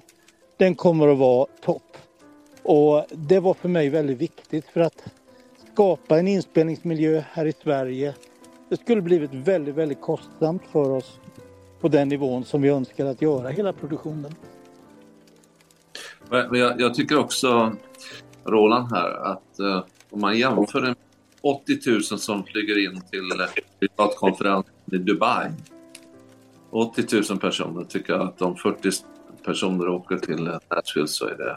Va, Flyger de till Dubai? Jag trodde Ja. att de åkte tåg. jag. Ja, några, kanske, några kanske gör det, men, eh, men eh, ja, nej, det är, Eller kamel. det är väldigt skillnad på, på det ena och det andra här. Ja, ja men och sen så ska det väl bli en, en produktion utöver eh, liksom det som har visats på SVT och så också. TB Nordic har ju börjat streamat avsnitt. Jag tror att alla avsnitten ligger ute nu va, för de som vill gå in och titta. Ja, precis. Hela serien ligger ute, alla åtta episoderna. Och det var ju det som, vi, vi ville ju skapa en hel serie utav det här och sen valde både Sveriges Television och NRK då att ur det materialet beställa varsin en timmas special då. Ja. Sen så går det rykten nere på Nya Musik om att det kommer att komma någon Blu-ray eller DVD här inför julhandeln. Men den fanns inte innan jag var där. Hur är det egentligen med det där? Nej, men just eh, när vi... Det kommer ingen Blu-ray eller DVD, men det kommer en traditionell CD som innehåller musikspåren. Ja, ja, ja. Ja, men då får vi se fram emot det. Det får man ha i bilen. Det är typ där man lyssnar på CD-skivor nu för tiden. Ja, det finns någon Ja. Precis. Vad är det? Ja. Här kommer ha samlarvärde, PO. Det är liksom en, det är en CD man kan ge till sina barnbarn. Ja, ja, ja. Men ni får se till att det blir som Hults julskiva, att den liksom har försvunnit från jordens yta här om 20 års tid. Då kommer det bli riktig raritet att lyckas få tag på den sen. Du menar då är den slut- då är den slutsåld menar du? Ja. Ja, men det finns ett begränsat antal copies så det, det, det ska nog gå bra. ja. Men jag är väldigt imponerad Anders över hur du lyckades få ihop det här överhuvudtaget. Alltså så många artister att samla dem på samma plats under den här tiden och få till en så bra produktion med så extremt begränsade medel som du har haft eh, tillgång till. Det är en bra tar- Eller ja, vad sa du Roland? Men, ja, det är en bra fråga, verkligen. Kärn, kärnfråga. Ja, det, det, är så, det är så här med de här entreprenörerna att det finns någonting i blodet som, som gör att när man ser en sån där möjlighet och utmaning så, så triggar man igång. Om jag skulle bara få använda bilden utav vår gemensamma, kanske gode vän Molle Lindberg. Så att jag träffade honom i höstas, 94 år gammal. Han kommer vara med på en gudstjänst i Stockaryd. Och liksom han säger ju det att när hästen kommer in i manegen så händer det någonting. Och du vet, när man var ung entreprenör så var man väl som ett arabiskt fullblod och ville erövra världen. Nu är man mer som en ardennerhäst men nog kommer man in i manegen och börjar röra sig så nog händer det något. Och det är väl den känslan jag hade när vi såg den här möjligheten. Nog ska vi göra något. Alltså. Ja. ja och, härligt blev det. Men jag har läst lite generationsstudier som handlar om att eh, den generation som växer upp nu Eh, att den är väldigt ängslig och därför har valt att lägga mer av sin tid på det egna personliga varumärket än att investera tid i de här gemensamma projekten som, som ni lite äldre gjorde här nu i, i Nashville. Eh, och att eh, det beror på att de är uppväxta i en tid av ständigt återkommande kriser, krig och terrorhot, klimatkriser, globala pandemier och hotande världskrig. Och jag tänkte kolla lite, Roland, du är ju både församlingsaktiv och kulturpolitiker på riksdagsnivå, får vi säga till de som bara känner dig som eh, musiker. Så har mm. ju även andra, andra delar så. Så jag tänkte kolla lite grann hur det ser ut i era församlingar och så, för ni träffar säkert många, många människor i olika åldrar och har sett olika trender och förändringar också. Är det, är det svårare att samla människor kring de gemensamma projekten nu eller känner ni att eh, de här spaningarna inte riktigt visar hela sanningen? Jag ska försöka svara, men jag tror att eh, eh, den trenden är nog riktig i, riktig i samhället. Att man eh, ser om sitt hus, så att säga, när, när det hotar runt omkring. Men eh, de kristna värdena och den kristna gemenskapen är ju annorlunda.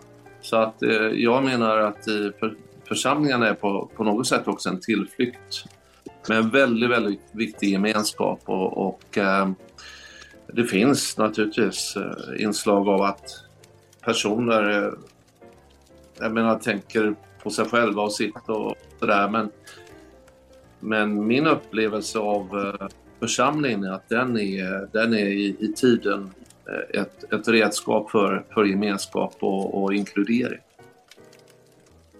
Mm, mm. Och medan många mindre församlingar på landsorten lägger ner så gör Urban tvärsom och bygger en ny kyrka som är fyra gånger så stor som den gamla. Ja, eh, jag har ju inte byggt kyrkan, ehm, men jag har ju varit med i i processen när visionen föddes. Kommer därifrån idag för övrigt. Ehm, och jag känner mig väldigt glad eh, åt att den står där som ett monument eh, över en, eh, liksom att i, i, i den här tiden, hundraårig församling, våga ta ett sådant initiativ. Det tycker jag är strålande och hittills så har det ju verkligen betalat sig i ett, en väldig öppning emot staden, emot kommunen, emot ledning, emot emot eh, samhället. En stor stad som Göteborg kräver djärvt initiativ för att sätta ett avtryck på något sätt. Och det, det, det strömmar faktiskt människor till den här nya platsen och det är det som är det viktigaste eh, av allt. Anders, du skulle säga någonting? Nej, men jag tycker när man har varit i den här kyrkan så, eh, och ser det här initiativet. Jag tycker det är så festligt för att man funderar ju kring vad i hela världen ska man bygga en kyrka där ute? Långt ifrån centrum var det ju många som sa och som jag också funderade på men nu ser man liksom att staden utvecklas och det här blir ju ett landmärke på något sätt. Då, va? Jag tycker det är, väldigt härligt. Mm. ni kan bidra, du var inne lite grann på det Urban, att men Tror ni att det kan bidra lite grann ifall den äldre generationen liksom vågar vara visionära och pionjära, att det ändå kan ingjuta någon form av hopp och framtidstro för de som eh, en del av den här undersökningen visar till exempel att de som är 18-19 idag inte tror att det är någon mening med att skaffa barn för de tror att det mm. barnet inte kommer att överleva sin 35-årsdag. Var du på Hönökonferensen Urban? Nej, det missade jag. Äh, ja. För det var där bland annat som sådana här saker nämndes. Han var där däremot. Ja, Ja, men det, det om vad, vad som kan... Jag tror att församlingen som idé och församlingen som gemenskap, klart att den är en motkraft till både individualiseringen och den här framtidsrädslan nu som nu har kommit mm. ovanpå en lång tid utav individualism. Förut var ju den någon slags positiv eh, individualism liksom som, som bara handlade om att jag, jag och, och bygga mitt eget varumärke. Och nu, han, nu är det ju en slags negativ, att man, man skyddar sig själv och, och, och, och så vidare. Va? Och, och, båda de två sakerna tillsammans behövs ju kraftfulla initiativ för att vara med och bryta. Och, och ja, jag, jag vill verkligen tro på att kyrkan är ju ett universal, universal, idé för, för, som, som i alla tider har funnit sin, eh, sin Eh, har, har burit en framtidstro och funnits liksom sin väg. Så jag hoppas vi kan vara det också här i Göteborg och, och på andra platser. Mm, mm. Roland, du finns ju med i liksom offentlighets-Sverige, kanske på ett lite annorlunda sätt än, än vad vi andra är. Eh, och eh, jag tänkte det kunde vara kul att ha en liten reflektion kring hur du tänker där. Alltså, för min, min sub, jag har i princip lämnat politiken efter 2010. Jag brände ut mig när jag jobbade som ombudsman för ja. Vänsterpartiet alldeles för länge. Eh, men jag tänker du är kvar. Eh, och eh, som utifrån, när, man, när jag sitter utifrån så har jag fått bilden av att även politiken har blivit mycket mer dystopisk i sitt liksom, sätt att föra resonemang. Att man är mycket mer på defensiven än vad man var tidigare där man liksom mer pratade om vilka politiska projekt och visioner man såg framför sig. Men det här kan ju bara vara en så här min syra cyniska, cyniska för detta ombudsmannaanalys. Det kanske ser helt annorlunda ut när man är på insidan. Det är väl så här att eh, det går ganska trögt i politiken, så det tar tid. Vi har ett sådant system i Sverige. I Danmark är det annorlunda, där är det lite mer av ministerstyre, men här är det ju så att ministrarna lämnar över det mesta till myndigheterna. Det gör också möjligt för dem att sen eh, när det händer negativa saker att man helt enkelt skyller på myndigheterna att det inte fungerar där. Då. Så ministrarna sitter väldigt mycket kvar här och är ministrar. Men i Danmark där, där får de ju gå om de, de eh, så att säga gör något misstag. Då. Men det, det är ju naturligtvis det, det är trögt. Det tar lång tid. Från ett förslag, säg att en motion går, i, går igenom eh, i, alltså en, en enskild motion av en ledamot går igenom i Sveriges riksdag så tar det åtminstone två år innan det blir eh, verklighet. Eh, så att man har alltså ett beslut i riksdagen först som sen skickas till regeringen för, för att eh, eh, fixas och, eh, och där tar det med remissbehandling och med lagråd och annat så tar det ungefär två år innan allting blir verklighet. Då. Så det, det är ett ganska trögt system men eh, reformiven brukar ju finnas där när eh, du har en ny regering. Då. Så 2006 till exempel när eh, den borgerliga regeringen kom under Fredrik Reinfeldt, då var man ju full av entusiasm och engagemang som man eh, tog bort fastighetsskatten till exempel. Man gjorde ett stort antal åtgärder för man var full av energi. Sen så tappade man lite lite ork där den andra mandatperioden och sen fick man då lämna 2014. Nu hände samma sak med socialdemokratin då att man tog makten 2014, man hade en mängd idéer och sen så var man jättetrött 2018 och förlorade makten. Nu är det, eh, nu är det då en, en, en borgerlig, ja 2022 ska jag säga, förlorade man makten till en borgerlig regering. Eh, på grund av att man var helt enkelt eh, uttröttad. Man hade inga nya visioner. Så.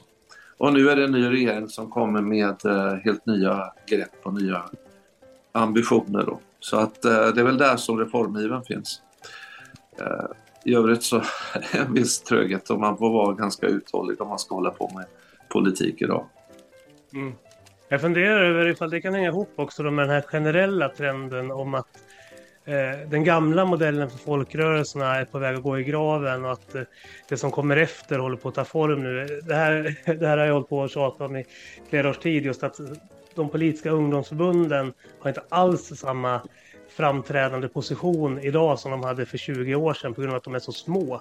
Och istället har, med, har ungdomarna valt att organisera sig i olika nätverk, alltså Friday for Future, clowner mot rasism och andra liksom, utlopp än det här traditionella. Ibland kan jag säga att, se att så här, Hillsong kanske kan vara ett uttryck för det här också.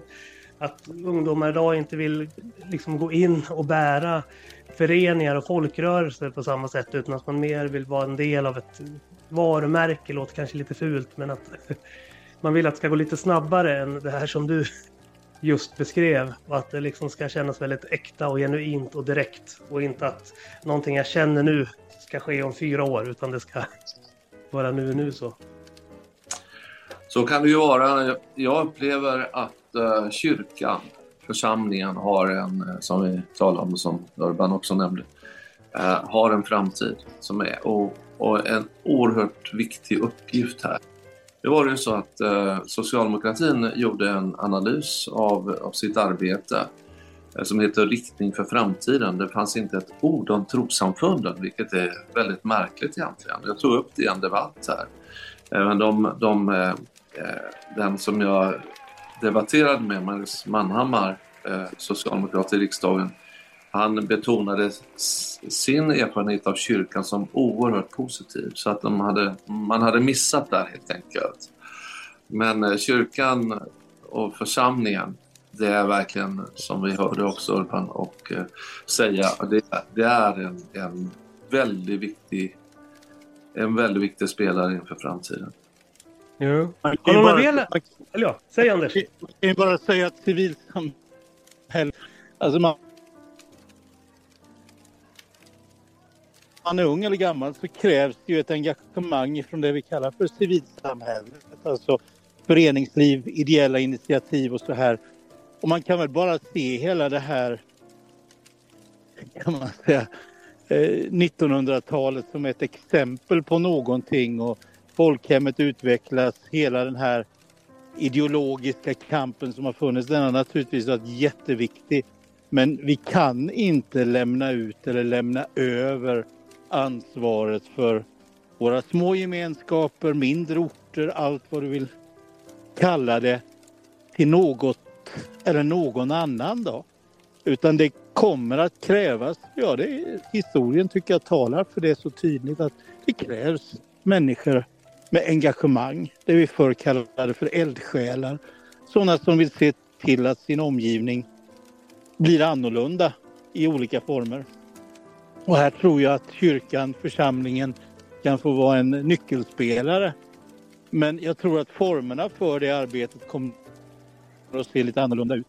Just den här föreningsmodellen som växte fram i mitten, slutet på 1800-talet, den kanske inte vara permanent för framtiden. Det viktiga är väl, är väl bara att vi kan kanalisera kraften och göra det på ett demokratiskt och inkluderande sätt. Då. Det här är jätteintressant och, och jag läser nu en bok eh, om eh, David Dag Hammarskjöld. Eh, för vi är ju världens mest sekulära land. Och det har ju blivit så ehm, eh, på grund av eh, den politik som har förts under decennier. Då. Eh, och när jag läste den här boken om Dag Hammarskjöld så var det så att han gav ut sin, sin skrift Vägmärken som de flesta av oss kanske har i bokhyllan. Ehm, eh, efter sin död så gavs den ut ska jag säga. Och då upptäckte man att, eh, att han var kristen. Och han hade alltså inte uttalat det Eh, under sin tid som FNs generalsekreterare eller sitt arbete i regeringen för han arbetade under Tage Erlander bland annat. Men det finns en liten episod där när Tage Erlander kommer, kommer fram till att, eh, att Dag Hammarskjöld var kristen genom den här boken Vägmärken så uttrycker han, enligt vad som sägs, ungefär så här att oj, var han kristen? Det här hade kunnat gå riktigt illa. Och det kanske säger någonting om också vad, vad socialdemokratin har betytt när det gäller att, uh, att sekula, sekularisera vårt land. Då. Idag så, det jag fick höra i debatten var ju någonting annat och det ger mig också hopp om att eh, det har hänt saker. Och jag måste säga att jag, när jag jobbar i riksdagen och möter kollegor och, och och våra bönegrupper som vi har, vi har faktiskt tre bönegrupper nu i riksdagen, så, så, så upplever jag att det är en, en ny tid på gång. Att det är väckelse på gång i, i det här landet. Problemet när man om, man, om det blir en väldig väckelse runt om på alla möjliga platser så kan det bli svårt att Alltså nu är jag lite ironisk men det kan bli svårt att, att eh, kontrollera det hela. För det kommer att hända så mycket runt omkring och eh, då finns det kanske eh, intresse hos en del att, att kontrollera vad det, vad det är som händer. Jag, jag hoppas verkligen på en, en stark väckelse som bryter igenom i, i, i Sverige. Vi får skicka dem till Urban i Göteborg då, för de har ju plats där i sin kyrkbyggnad. Nej, det är fullt redan. Det är fullt redan. Du, nej, men, men man skulle kunna prata lite grann också om eh, sången och musikens eh, eh, roll som budskapsbärare, som gemenskapsfaktor, eh, liksom, faktor, men också förmedlare utav. Vi har ju, vi har ju Eh, och inte bara det, nu om man tittar på det här initiativet och som vi har varit en del av så är det intressant att mot alla odds så valde både NRK och SVT eh, lite, mycket ängsligt men dock att, eh, att släppa loss det här. Och ungefär samtidigt så kom den där eh, Jesus Revolution-filmen och släpptes in på... Eh, så under hösten har varit ett par sådana initiativ som, som för mig som en aning mediaskeptisk får jag konstatera att, att, att eh, liksom i, i vårt eh, samhälle så, så sker det en del öppningar just nu eh, som, som skulle kunna vara en del av det här eh, tecknet på, på, på, på att sekulariseringen som förvisso också finns inom kyrkan ska det sägas till. Så vi ska inte bara skylla på Socialdemokraterna och Kristdemokraterna och vad det nu heter, de här politiska partierna. Jag menar, alla, alla, alla bär vi ett ansvar för, för detta, även kyrkan. Eh, Verkligen. Ja, så att eh, det, det, här, det, här är, det här är en, men det är en spännande tid. Eh, jag tycker vi andas, andas ändå vår och ljus. Även om det är väldigt mycket mörker så är det faktiskt rätt mycket ljus också. Det som jag ville bara flika in. Jag tycker det är så fascinerande med hela den stora nya befolkning som vi har fått i vårt land som kommer ifrån Mellanöstern som bär med sig väldigt starka trosuppfattningar där tron egentligen betyder allt. Ehm, det har ju också väckt jag menar, samtalet i samhället. Vad är det egentligen för värderingar som ligger till grund för vår civilisation, vårt sätt att se på tillvaron? Och även om det blir någon form av kulturkristen renässans eh, så är det ju ändå ett, ett intressant skeende för att det väcker ju ändå funderingarna kring vad är det för någonting som vi har som fundament och vad är det som vi har för grund för, för, för våra övertygelser? Jag är, tycker det är väldigt intressant att se det som sker just nu. Konfirman, konfirmationerna ökar kraftigt på sina håll i Sverige just nu. Oförklarligt. Man ingen mm. vet varför, men det bara ökar. Ganska intressant. Vi tar en kort paus och lyssnar på en julsång av Urban Ringbäck som hittills är outgiven och som Anders Wist har lyckats leta reda på längst in i TBN Nordics eh, lager av outgivna pärlor. Eh, så vi ska, vi ska lyssna lite grann på den så ska vi återkomma sen till att prata lite mer om musik.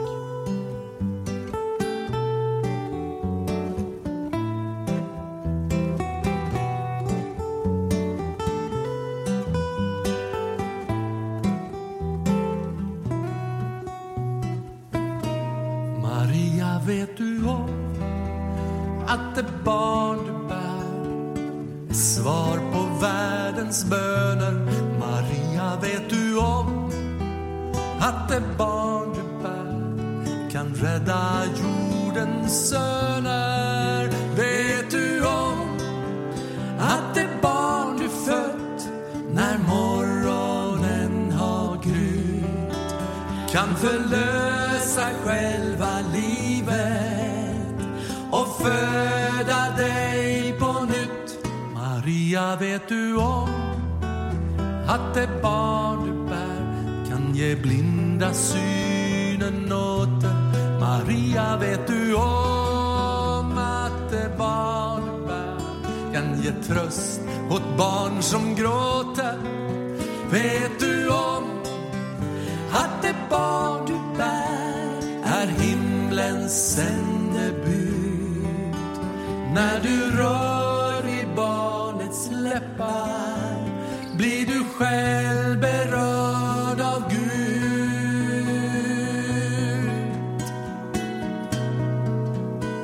Vad ingen sett, vad ingen hört, vad ingen kan förstå.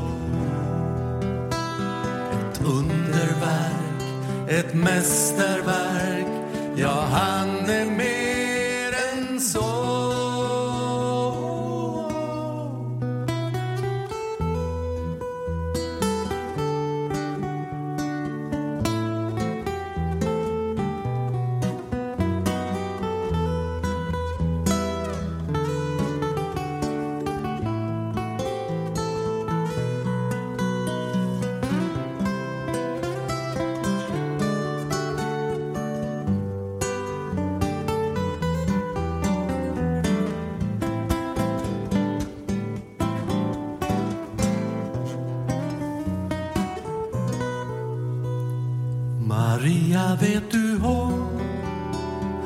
barn du bär ska segra över döden? Maria, vet du om att det barn du bär ska leda jordens öden? Vet du om att det barn du bär ska ge hopp till varje land? Att det barn du snart ska hålla håller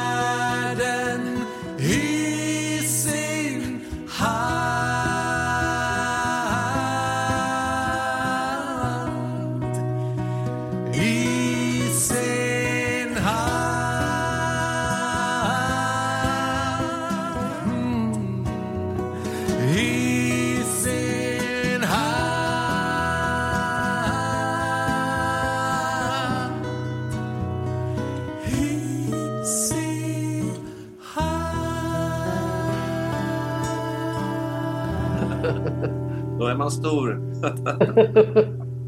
Men eh, så, Urban, kan du berätta någonting om den där låten vi hörde och varför är det inte utgivet? Det var ju jättefint.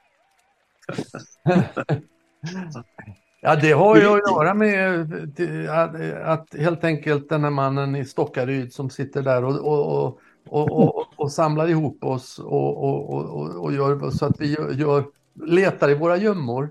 Eh, Och jag har ju ett gäng eh, julsånger också eh, som eh, eller för mig, de är lite annorlunda.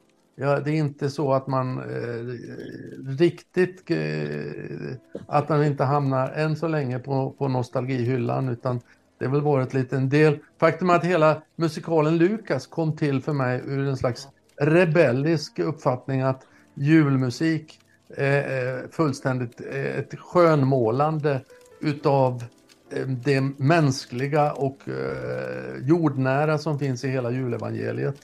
Eh, Det var så den började och det har präglat lite grann. Men eh, det finns väldigt mycket fin julmusik också som, som, verkligen, eh, som jag verkligen gillar. Som har både stämning och samtidigt som har ett budskap som är trovärdigt. Kan, kan man inte Eh, För att säga... vara konkret, eh, P.O. var, eh, det var ju så här att eh, vi har gjort ganska mycket sådana här morgonprogram och vi behövde ju fylla på arkivet i samband med advent för ett par år sedan. Då ringde jag Urban och sa kan du ta med dig Karina och komma upp och då så följde Olle Junholm också med och då blev det en inspelning utav ett antal eh, egna tolkningar men sen också den här som vi har hört nu som man får ändå se som en nutida julklassiker som på engelska heter Mary Did You Know. Eh, och, och eh, ja, så enkelt är det. Och vi har en del sånt i arkivet då. Får jag tillägga där att eh, när man rör sig nu runt om i samhället så är det ju musik hela tiden. Det är jul, julmusik i alla dess former som handlar om Jesus. Och jag tror att i, i en tid där vi har nu som, som ni säger här, konfirmationen ökar och så vidare, så kan det också vara så att det är fler som tänker efter vad det är som spelas i hissar överallt. Så, så kommer det här med julefrid och om, om Jesus. Och, ja, min förhoppning är att, att vi, vi lever i en sån tid att, man, att människor lyfter blicken och, och eh, ser det här evangeliet. Jag tänkte vi skulle prata lite grann om återväxt inom det kristna musiklivet. Det är en fråga som jag vet att i alla fall jag och Anders Wist brinner väldigt mycket för, men jag har svårt att tänka mig att ni skulle vara negativ till det heller. Men har ni läst en rapport som heter Krist- Kristen tro på glid som bland annat Fredrik Vinell står bakom? För i den så har de intervjuat flera olika kristna ungdomar och där finns det en tydlig trend om att musiken var en av de viktigaste faktorerna som ungdomarna uppgav som liksom bärande i deras kristna liv och identitet. Eh, så därför kan jag i alla fall känna det lite förvånande när jag liksom ser ut över det kristna musiklivet och i alla fall ur min subjektiva känsla uppfattar det som att det går mot ett ganska så här generiskt och homogent håll även där. Att liksom det kristna musiklivet börjar bli som det kommersiella musiklivet. Att allting låter ganska likadant. Jag uppfattar att den här demoscenen som fanns när jag växte upp på 90-talet, där det liksom flödade av olika musiker som prövade vingarna och replokaler i kyrkans källare och sådär. Det har liksom försvunnit för det finns inte underlag för det. Och jag är ju även aktiv inom studieförbundsvärlden och oavsett om vi pratar Arbetarnas bildningsförbund eller studieförbundet Bilda så är trenden likadan. Replokalerna får man lov att säga upp kontrakten på. För det finns inte underlag att fylla dem. Och då tänkte jag, ni eh, är väl fantastiskt bra personer att fråga om vad ni tror att vi kan göra åt det här och går det att bryta trenden eller ska vi inte bryta trenden utan bara acceptera att musiken precis som allting annat utvecklas och tar sig nya vägar och att nu är det en ny tid där folk sitter vid datorerna och gör låtar som låter väldigt likadant snarare än står i replokalen liksom och skapar via analoga instrument. Ja, vad tror ni? Eh, Urban kanske vill börja? Oj, oj, oj, ja, det där är ju liksom det är ju väldigt hett stoff det där och intressant eh, diskussion. Du är bra analytiker också som, som eh, eh jag, jag, tänkte på detta innan eh, vi skulle eh, snacka samman och, och jag tror ju det finns ju en, det är ju en globalisering utav musiklivet som är enorm och det finns en professionalisering också eh, som man kan säga som gör att en annan som började spela gitarr under lantbrukare Anders Janssons ledning i strängmusiken i Siljansnäs. Den där resan känns ju som att den är från en helt annan, en helt annan värld och en helt annan tid på något sätt. Um, uh, mm, sen finns ju samma fenomen även i de nya former som är då så ser man ju att det är jättemånga unga människor som i kyrkan får börja spela. Uh, det finns det, men det är klart att formen är, gör att det blir mycket färre som får plats. Uh, utan det, det, är en, det, är en, det, är en, det är en liten grupp och att det i princip har varit någon slags ljudideal eller sångideal som har slagit igenom och, och, fått fullt genomslag. Den stora rädslan tycker jag är bland mina kollegor, mina pastorskollegor, som är så rädda för att de ska uppfattas liksom mm. inte leva tillräckligt, tillräckligt med i sin tid och sin kyrka och, och, och så vidare. Jag brukar analysera alla våra konferenser som handlar om att våga förändring i kyrkan. Vi måste tänka nytt och nya visioner. Så frågar man till slut, vad, är det, vad var det konkreta som kom ur den här konferensen? Så var det nästan alltid frågan om att ändra musiken. Eh, mm. det, det, var, det, var det, det, det var i stort sett det det, det kom att handla om. Det har jag noterat i många, många tillfällen. Eh, så jag tycker ju att ett ett bra och, och, och, och starkt, en, en, bättre kommunikation. Eh, sen är jag absolut inte någon som sätter och älskar att göra, eh, göra motsättningar. Men jag, jag har vägrat den här debatterna och sådana här saker. Jag tycker de är, brukar vara helt fruktlösa. Eh, det är min känsla. Jag tycker exemplet är mycket bättre. Att man kan jobba ihop. Eh, jag är i en annan församling just nu tillfälligt och hjälper till och tycker de är duktiga där att generationerna verkligen står i den här, väldigt mycket den nya formen av eh, nya liksom stilmässigt. Men däremot har de fått med alla generationer att vara med och, och det tycker jag är ett steg åt rätt håll. Sen tror jag ju liksom det, det vi gör nu då med alla tiders sånger i bästa fall skulle kunna vara ett exempel på Eh, nu är vi inte purunga särskilt många men, men vi är ju inte alla inte över 70 som eh, mm. Utan det, det är ju rätt så, rätt så bra blandning utav, utav åldrar och stilar. Och mycket av det vi har gjort har faktiskt helt nyskapat, nygjort. Eh, det vi spelade in. Så det har varit rätt mycket tankearbete in kring det här. Eh, faktiskt väldigt mycket så in i valet utav sånger och eh, hela ideologin kring alla tiders sånger är rätt väl genomtänkt skulle jag vilja säga. Eh, och det tror jag är viktigt. Jag tolkar det rätt Urban då att i Pingstvästerås så liksom samexisterar både de här moderna lovsångsuttrycken med de här lite äldre läsarsångerna och med klassisk psalmsång. Att allt Nej, det sa jag samma inte. huvudgudstjänst. Okej. Det, det sa jag inte, jag var på att, att olika generationer är med i det, eh, mera det nya lovsångsuttrycket. Ja, det var min glädjetolkning bara. det där. Ja, ja. Okej. ja, ja. Det skulle jag nog mer säga. I det här läget i alla fall. Eh, och jag har inte delagt krutet på den, den, den frågan just nu. Eh, men eh, men det, det, det, bara det är ju en, eh, ändå något som jag tycker är positivt. Jag, jag, jag kan flika in som eh, den glada amatören i den här skaran av, av, av, av låtskrivare och eh, proffsmusiker. Att det jag, det jag tycker är så intressant det är ju ändå att den berättande sången eh, och den kommunicerande sången som kommunicerar med en publik. Eh, den, den tycker jag ju är så intressant för att när, när eh, frikyrkans starka arm med torgmöten eller vad du än vill Eh, så har det ju varit detta att kunna kommunicera med en publik. Där tycker jag att, att det skulle vara så härligt att se oavsett stilform att man sjunger för varandra eh, och med varandra. Men just det här att man kommunicerar och det är det jag tycker var så härligt i alla tiders sånger oavsett vilken sång det var. Så, så var det ju detta att det var inte eh, alltså artisterna där på den där scenen, de, de, de sjöng med varandra och lite grann för varandra naturligtvis. Och den, den aspekten tror jag är viktig att vi får tillbaka igen. Gud vill höra vår sång, självklart. Lovsången är viktig. Men just det här komplementet eller ja, den sidan av att, att, att förmedla berättelsen eh, tror jag i olika typer och former eh, är, är, är väldigt viktig att lyfta fram igen. Jag säger att jag håller med Anders eh, att alla tiders sånger betyder och, bety betyder och betyder väldigt, väldigt mycket eftersom det, det blandas eh, nya och äldre sånger.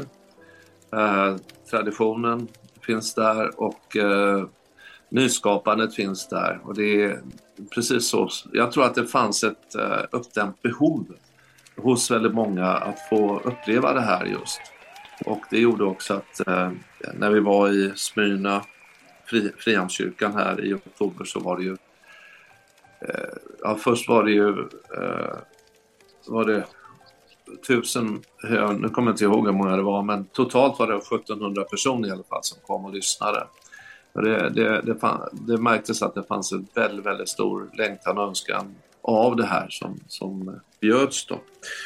Jag har ju själv ett stipendium jag delar ut, gjorde faktiskt det i Frihamnskyrkan i år.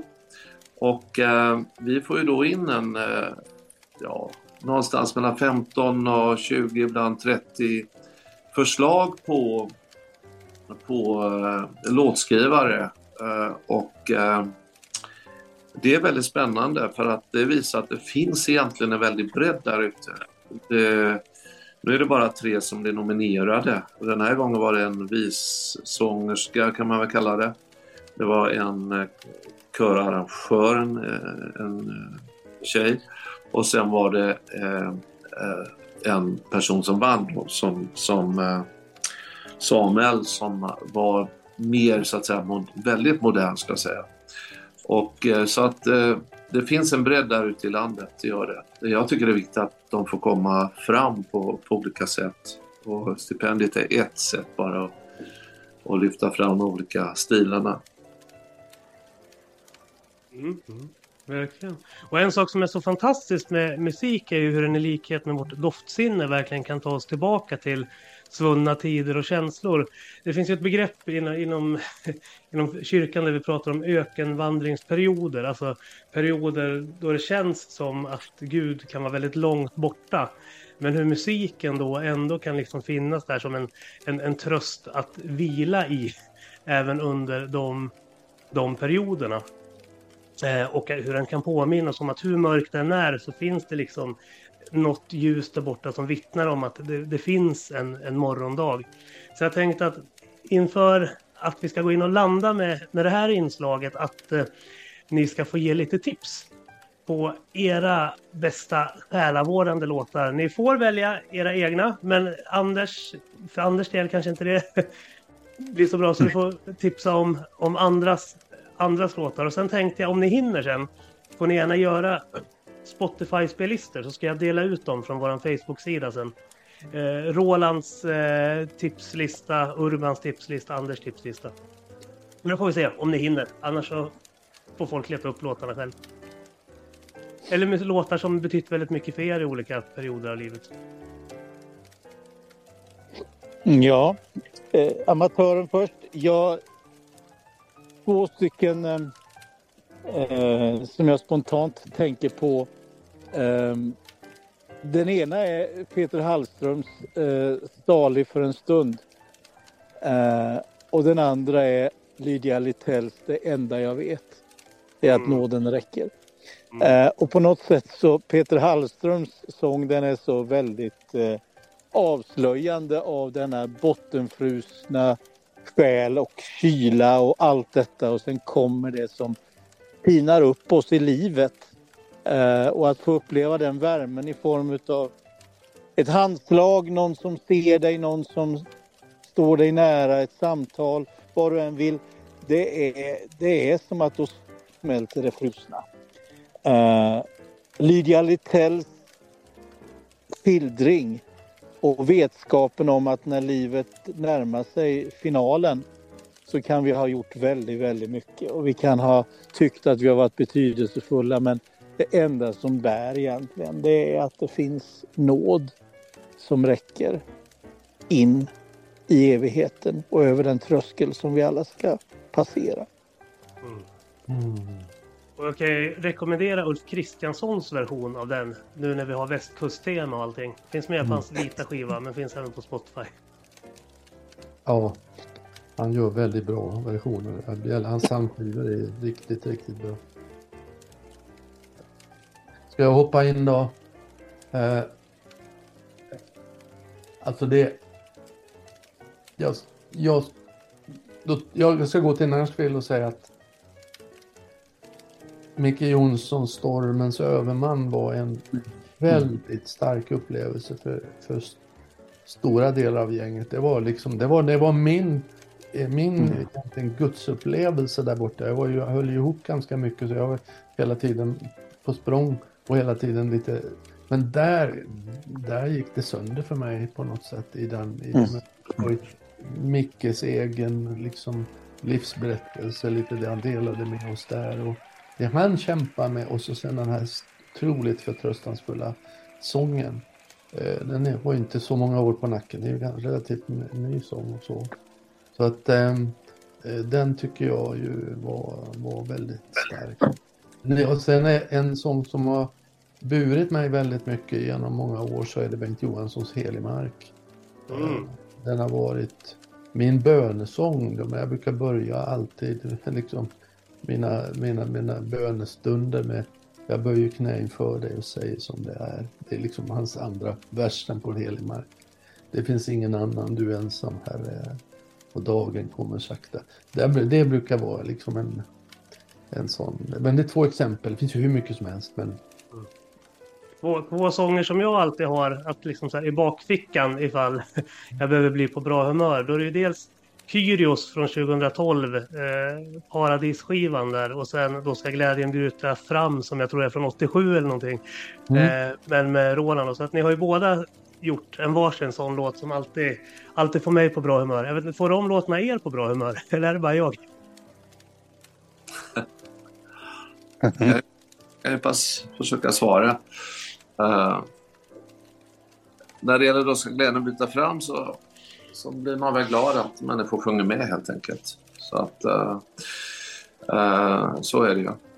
Om jag ska nämna två av mina favoriter så det är jättesvårt. Det går bara runt i skallen här för det är så mycket, så mycket sånger. Och, eh, men jag tänkt faktiskt på Urbans, eh, det går en väg mot framtiden. Jag tror den heter så va, också. Fant- fantastisk, verkligen. Och eh, när vi talar om framtidstema här idag, att det ser mörkt ut runt omkring oss och allt som händer runt omkring oss, så, så på sjunga en, en sådan sång. Det är väldigt starkt. Och sen om jag ska ta några traditionella, jag går på Anders linje där lite när det gäller faktiskt en sång som heter Han giver och giver och Ja. giver. Ja. Den är otroligt, otroligt vacker. Så att, eh, ja, det blir mina favoriter. Mm, mm. Äh, härligt. Ja, fina exempel. Du frågar om det. Ja, eh, I det här läget känns det nog som en del av det man har gjort själv eh, har ju en liten tendens kanske då att, att eh, alltså den stora upplevelsen kanske var när den föddes, men man sen i själva produktionen så kanske nästan man tappar bort den lite när den, när den sen, sen görs. Men den får betyda något för andra blir man ju väldigt lycklig och glad. Ehm, eh, men det, det är ju liksom i de där födelseögonblicken, så den, den går iväg mot framtiden, är ju en av mina starkaste upplevelser av en sång. Vi talar förr om födda sånger eh, och jag brukar säga att jag var lite skeptisk till det där begreppet, för jag vet hur mycket jobb det är med en sång. Men, det, men sen finns det vissa ögonblick som man bara känner, nej den där, den där kom, den där plockade jag ner någonstans som redan fanns. Och det var en sån sång. Det ska man ärligt säga tycker jag att eh, de första månaden efter man har spelat in en sång, Ja. då går den ju hundratals gånger. Ja. Varje dag egentligen. Och man, man lever med den där sången. Sen börjar det tyna bort lite grann och sen så att när jag lyssnar på, om jag åker bil så lyssnar jag liksom i princip aldrig på mina egna produktioner eller så.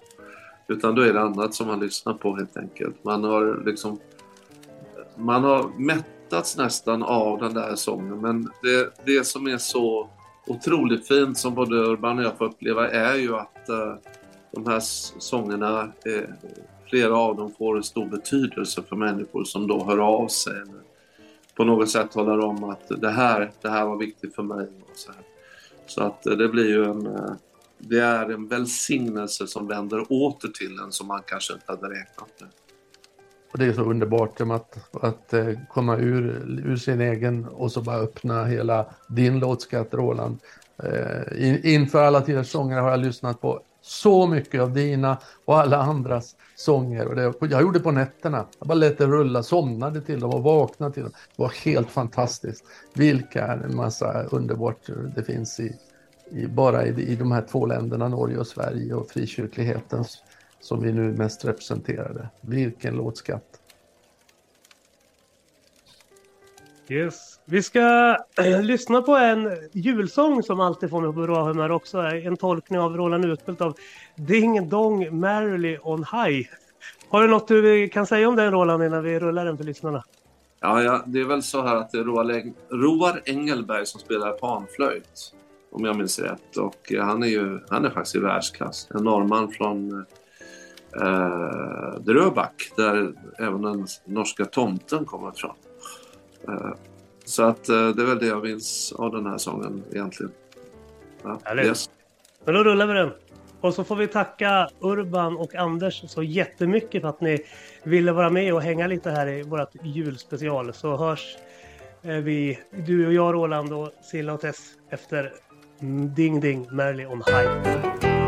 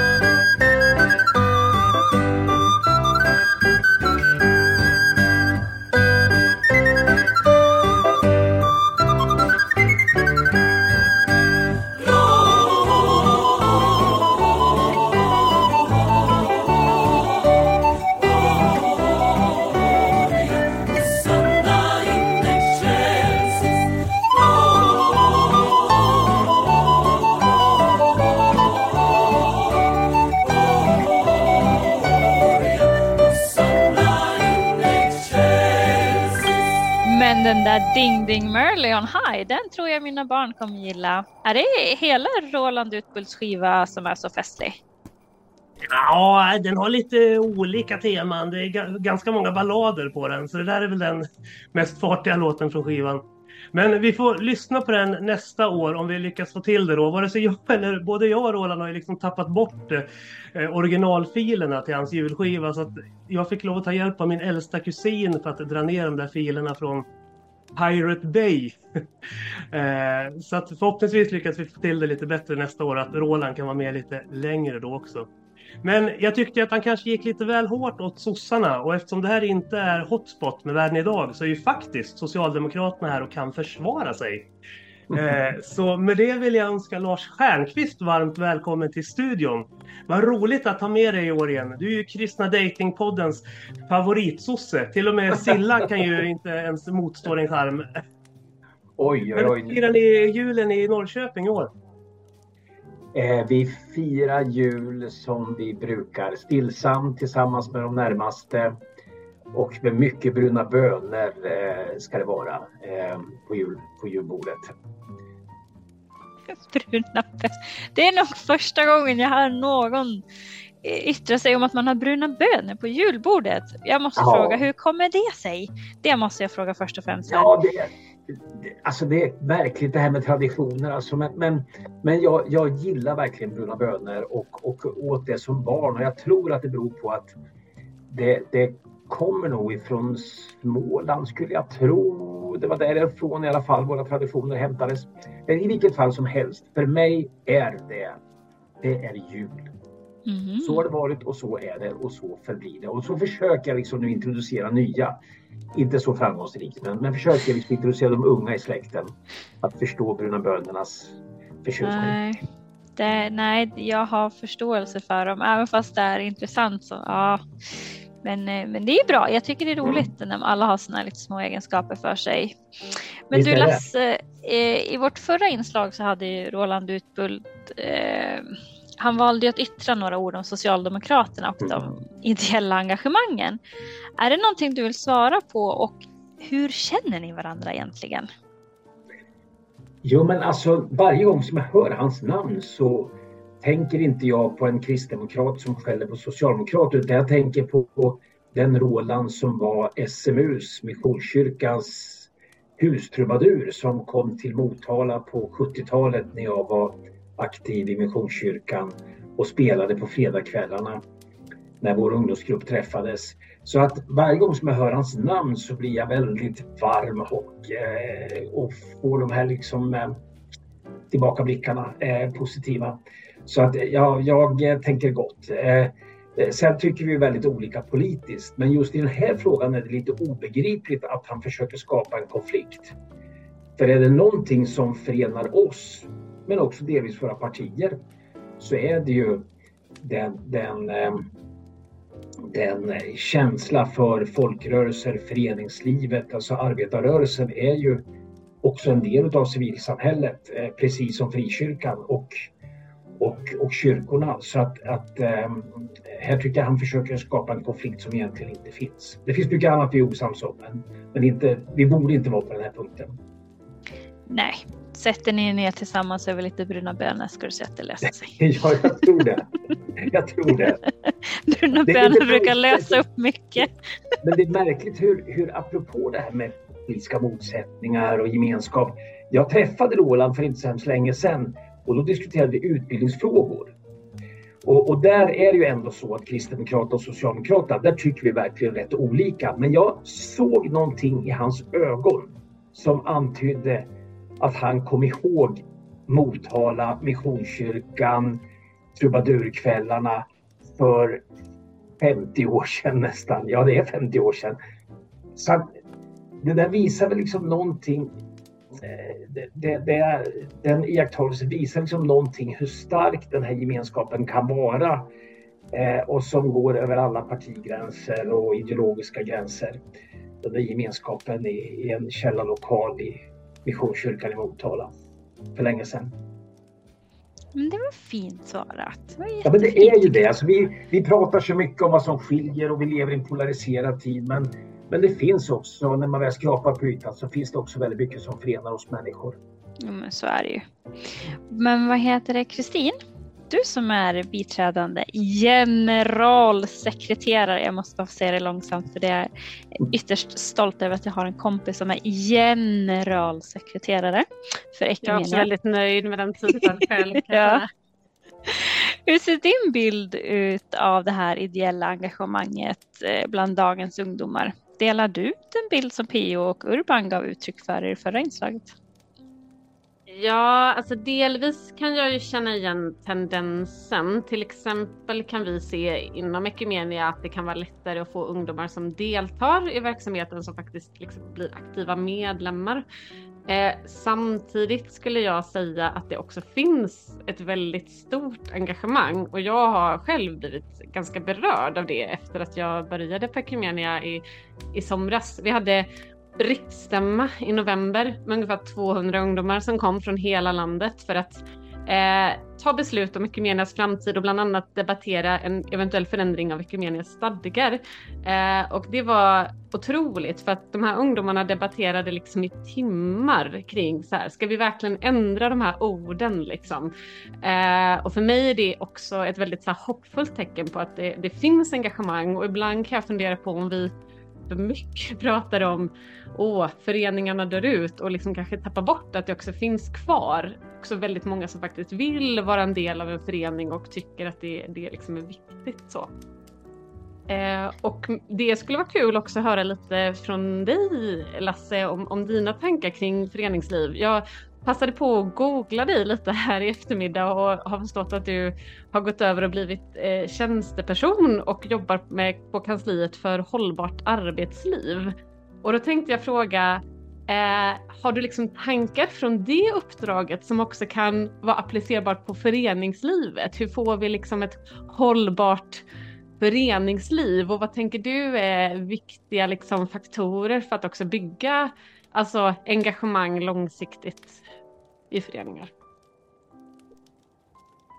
Alltså, jag är ju säker på en sak och det är ju att, att ehm, om vi får chansen att engagera oss, om det är så att vi brinner för någonting, om vi jobbar för att förändra någonting, så mår vi bättre och det påverkar också inte minst arbetslivet. Alldeles oavsett om vi jobbar med det som vi brinner för eller om vi jobbar med andra saker så, så det är liksom en hälsofaktor att vara engagerad tillsammans med andra människor.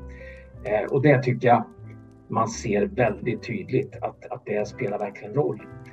Eh, sen, sen på det som du säger så, alltså jag delar ju den uppfattningen, det här är inte vetenskapligt men alltså den generation som jag själv tillhörde beskrivs ju ibland som den mest föreningsaktiva. Men när jag tänker tillbaka på, på min egen ungdomstid så är det sant att vi var väldigt många av oss eh, organiserade. Men frågan är ju hur djupt det där engagemanget satt. Väldigt många av oss ärvde det. Vi, vi, ehm, vi, eh, på grund av den omgivning som vi hade så var det på något sätt självklart var vi skulle höra hemma. Jag bröt något det mönstret när jag gick med i Missionskyrkan men i övrigt så var alla mina engagemang på något sätt självklara sedan födseln. Idag tycker jag att jag ser hos unga människor ett mycket större sökande, prövande, resonerande, nyfiket engagemang och det gör mig verkligen hoppfull. Eh, att, att, att unga människor inte tror sig ha, ha liksom sett en sanning som man sen liksom ska dunka huvudet på andra utan man är verkligen öppna och nyfikna och lyssnar på varandra på ett sätt som jag inte upplevde att vi gjorde när Roland Utbult och jag var unga. Men jag har en fråga. Tycker ni att vi är dåliga på att ta hand om och värna om ungdomars engagemang? Alltså överhuvudtaget så tycker jag vi är dåliga på att ta tillvara. Alltså vi lever ju i, vi lever ju i en tid där, där på något sätt dysterkvistarna får, får dominera. Alltså det, är lite grann dysterkvistarnas tidevarv just nu. Det, det, det är många som, som talar om att, att det är ingen idé, det går inte att lösa problem utan det enda sättet är att vi stänger ut och isolerar oss och skyddar oss så att vi inte också drabbas. Men det går inte, och, och det, det är ju verkligen ett sätt att, att inte ta tillvara, att kväva engagemang. Eh, men men, men eh, eh, det finns ju också väldigt mycket optimism och framtidstro som jag hoppas liksom kan, kan kämpa ner det där motståndet. Men, men överhuvudtaget så finns det idag, tycker jag, en pessimism som, eh, som är livsfarlig eh, och som naturligtvis också riskerar kväva en hel del engagemang. Alltså en sak som jag har funderat över, för att jag började engagera mig i politiken typ ganska tidigt som 16-åring sådär. Eh, och en ganska tråkig tendens som jag sett inom mitt eget parti, det är ju att det är ungefär samma gubbar och gummor, om du ursäktar språket, som är engagerade idag som det var när jag liksom gick med där i mitten på 00-talet. För de ungdomar som kom in eh, försvann ganska snabbt och det är därifrån jag har fått den här dystopiska bilden som jag delar lite grann även med din partikollega Håkan Juholt. Att det liksom, vi går mot en professionalisering och en individualisering. Att den här gamla, eller gamla, men alltså den här traditionen av att man så här eh, är med och brygger kaffe och tar hand om partilokalen och delar flygblad och tidningar. Det är inte så attraktivt liksom för de som är födda efter 90-talet. Eller så har jag blivit en sån här gammal gubbe som bara sitter och klagar på dagens Jag vet inte. Jag har svårt att... Nej, men alltså, det, det, alltså vi kan ju titta på siffrorna så har du en poäng. Alltså partierna, de politiska ungdomsförbunden, partierna eh, och inte minst partierna. Där är det ju verkligen kris i meningen att, att antalet aktiva har minskat kraftigt. Eh, antalet medlemmar har minskat kraftigt. Eh, och jag själv är ju delvis också en, en följd av det, eller jag själv har bidragit till det. Därför att jag märker ju hur jag själv idag söker mig till andra miljöer. Ehm, jag är ju fortfarande socialdemokrat, och jag är fortfarande hängiven sådan. Men, men och tror liksom på det politiska engagemanget och går ibland på föreningsmöten. Men jag märker ju själv att jag får inte riktigt samma inspiration där och jag får inte jag blir inte utmanad på riktigt samma sätt som när jag går till eh, Rädda Barnen där jag också är aktiv numera eller när jag går till kansliet för hållbart arbetsliv. Det är tjänstemän, det är professionella människor. Men snacka om engagemang och passion för, för frågorna och som verkligen brinner för att förändra. Så att idag söker sig engagemanget andra vägar och det kan ju oroa mig. För jag tror ju att politik och partier är otroligt viktiga. Men, men det är ändå hoppfullt att det finns, det finns verkligen miljöer där, där det fortfarande finns en väldig passion och det finns, där det finns ett engagemang. Ja, jag tror också det att, att engagemang ser liksom annorlunda ut idag och delvis tycker jag man kan se en trend att, att unga människor kanske mer vill engagera sig också när de ser att de liksom får ut någonting av det. Det är svårare att så här, känna att jag får ut någonting av att koka kaffe eh, liksom torsdag efter torsdag och det är ju på ett sätt problematiskt. Å andra sidan kan man också tänka att det kan ju också ha det kan ju också utmana lite vad vi gör och varför liksom. Om vi inte får ut någonting av att ses varje torsdag, eh, då kanske vi också ska ifrågasätta om det är det sättet vi, vi liksom vill engagera oss på, um, tänker jag. Ja, det ser vi inom frikyrkan också. Att uh, det finns en trend av att gå mer mot här, konsument och producent av religiösa andliga upplevelser än den här liksom, folkrörelsebaserade församlingen. Mm. Men det där är ju, alltså det har säkert förändrats en del genom åren, men, men när jag var ung så var jag aktiv både i SSU och i Missionskyrkan. Och jag fick väldigt många frågor av mina kompisar, eh, för det här var verkligen två olika världar i Motala. Eh, och de tyckte att, vad är du? Hur kan du umgås med de där konstiga frireligiösa folkpartisterna? Sa mina kompisar i SSU. Och, och, och mina frireligiösa kompisar sa, hur kan du umgås med de där suputerna i SSU och, och, och eh, gudsförnekande typerna? Eh, de sa ju inte så, men jag såg att de tänkte så. Men ett av skälen till att jag trivdes så bra, det var ju att jag i Missionskyrkan fick uppleva det som jag saknade i politiken, nämligen det här att jag själv kunde vara aktiv. Vi, jag sjöng i kör och, och vi där, där fanns det ett utrymme för individen på ett annat sätt än vad som fanns i politiken. Eh, och jag tror att alltså det är no någonting har ändå förändrats sedan den tiden och det är att vi är ännu mer individualistiska på gott och ont. vi, vi vill verkligen själva känna att vi påverkar och gärna här och nu. Och då är politiken problematisk. Därför att det tar tid och det kräver att det är många som är med.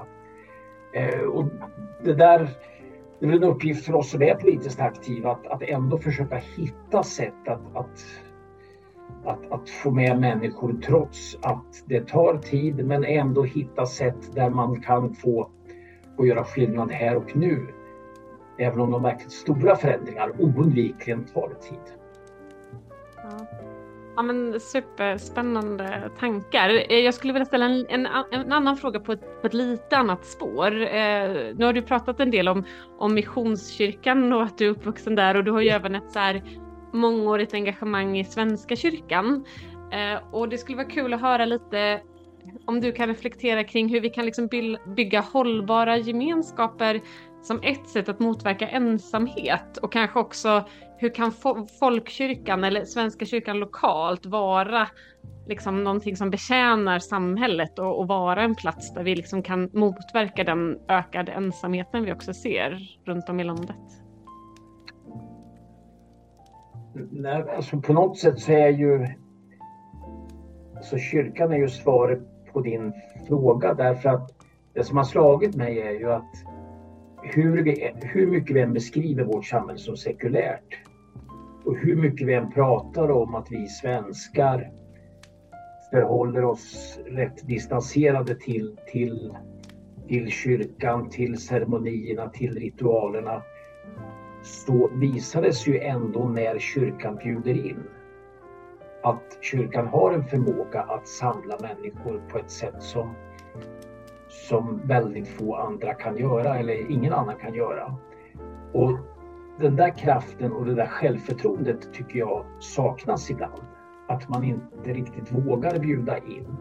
Man vågar inte söka upp eh, därför att man förstår inte hur viktig kyrkan är för väldigt många fortfarande. Även människor som, som inte besöker kyrkan så är det ändå så att, att den är viktig. Och, och ja, jag tror det, det handlar väldigt mycket om det. Och jag vet, det sa jag också några gånger på kyrkomötet. Att jag, jag kände igen mötena i Svenska kyrkan med de politiska mötena. Det här att, att man har så dåligt självförtroende så man blir nästan misstänksam när det kommer någon ny. Man tänker, vad har i all sin dag, hur har de, varför har de sökt sig till oss?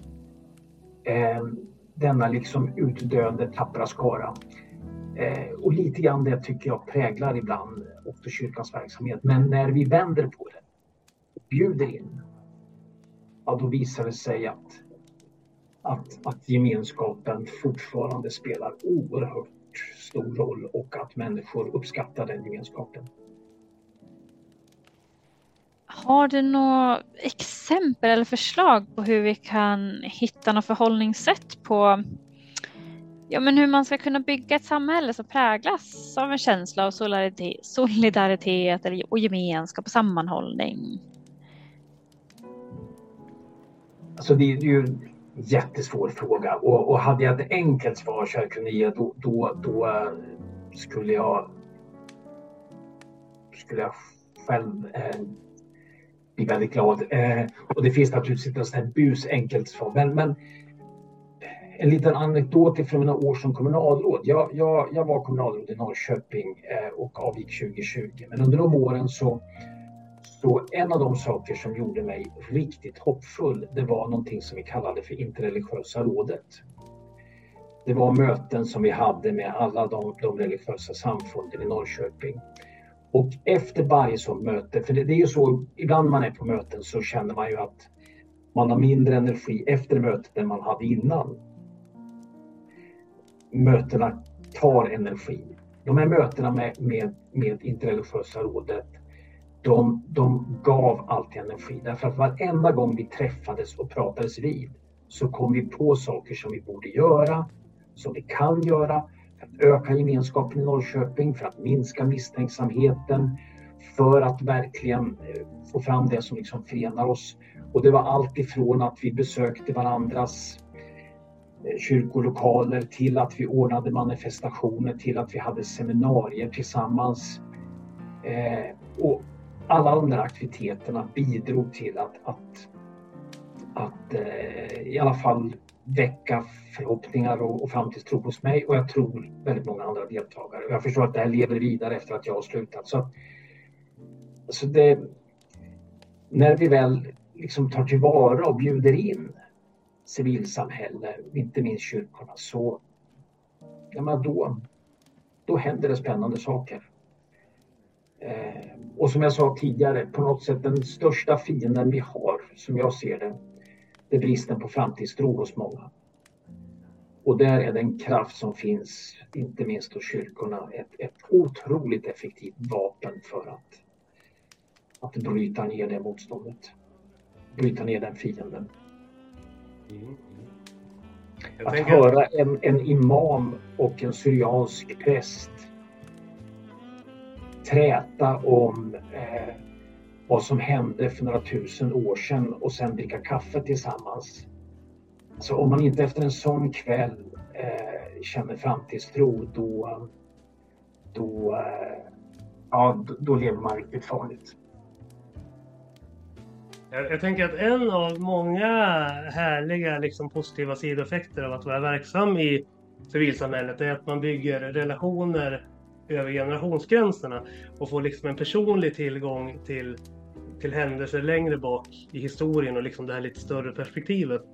Så jag tänkte passa på och, och nyttja det med dig nu. För att jag som är 80-talist uppfattar kanske då att eh, samhället och liksom eh, klimatet i, liksom, i det offentliga samtalet, att det har blivit hårdare och mer polariserat under, under min uppväxt. Men du som liksom kan se ett lite längre perspektiv än vad jag kan. Du är född på 60-talet va? Eller när? 50 till och med. 50 till och med. Ja. 50-talet. Eh, Ja, nej, men jag tänker, delar du den bilden? Eller, för att jag tänker så här, kyrkan, alltså kyrkan som helhet, alla församlingar i alla generationer har alltid trott att det är just de som lever i Uppenbarelsebokens tid. Och vi har ju märkt att så är, så är det inte. Och, och jag tänker, eh, är det så att samhället har blivit hårdare? Eller är det liksom bara en liten kort fluktuation just nu som inte är någonting i jämförelse med hur det var på Olof Palmes tid? Om man bara ska ta någon annan historisk erfarenhet. Ja, det där är en jätteintressant fråga som jag faktiskt har funderat en del på. Därför att, att jag, jag eh, gav mig till med på uppgiften att försöka skriva en liten bok om debattklimatet och, och gick tillbaka och jämförde och lyssnade på debatter. Och, och, och, och som alltid så är, blir, blir svaret, när man gräver i en fråga så blir svaret lite nyanserat. Alltså det, det är klart att det har alltid funnits en, en polarisering och jag minns ju när när våra politiska motståndare, Socialdemokraterna, gjorde piltal av Olof Palme och moderater stod och kastade pil. Eh, och jag såg förut att den där piltavlan dök upp på en bild nyligen på, på någon moderat sida. Så visst, alltså det, det fanns... Och, och, och när rösträtten genomfördes, då var inte jag med. Men för, för hundra år sedan, ja då gjorde man en askkopp av den liberala ledaren där högermännen kunde fimpa sina cigarrer och visa sitt frakt för, för liberalerna som, som, som förstörde landet genom att ge fattiga rösträtt. Så att det har alltid funnits de som har, har tagit till ett väldigt brutalt språk.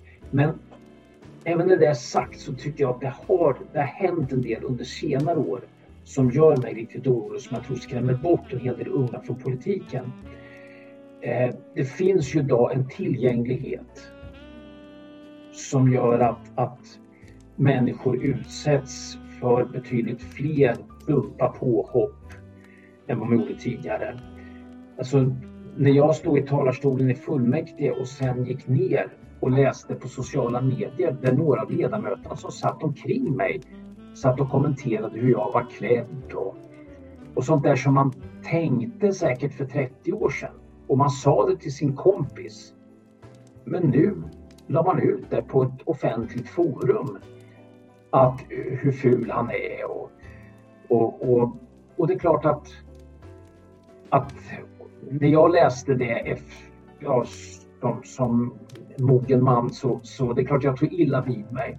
Men jag kan liksom föreställa mig hur en 20-åring som går upp i talarstolen första gången reagerar om man sen i efterhand får läsa hur andra har recenserat utseende och klädsel och, och sätt att vara. Så att, alltså, sociala medier som har inneburit en positiv revolution i meningen att, att människor har blivit mer tillgängliga har också lett till att, att sånt som tidigare ändå eh, fanns, sades i en mindre krets plötsligt blir offentligt på ett sätt som skadar människor väldigt. Och det där, jag hoppas att det där går över, att vi lär oss hantera tillgängligheten på ett sätt så att vi förstår.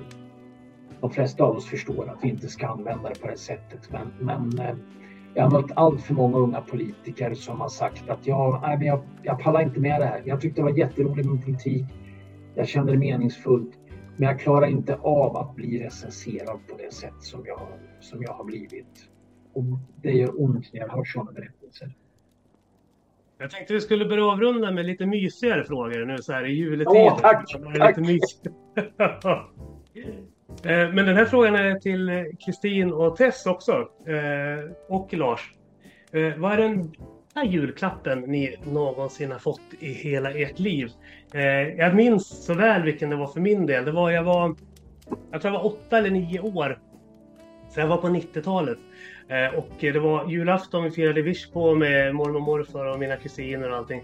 Och det var ett jättestort paket som jag inte förstod vad det var. Och sen så visade det sig att det var till mig och då var det en Gibson elgitarr. Och det var liksom så här, min mamma var ensamstående sjuksköterska så det fanns ju inte på världskartan. Alltså, det var ju ingenting som jag ens hade kunnat tro att jag skulle få.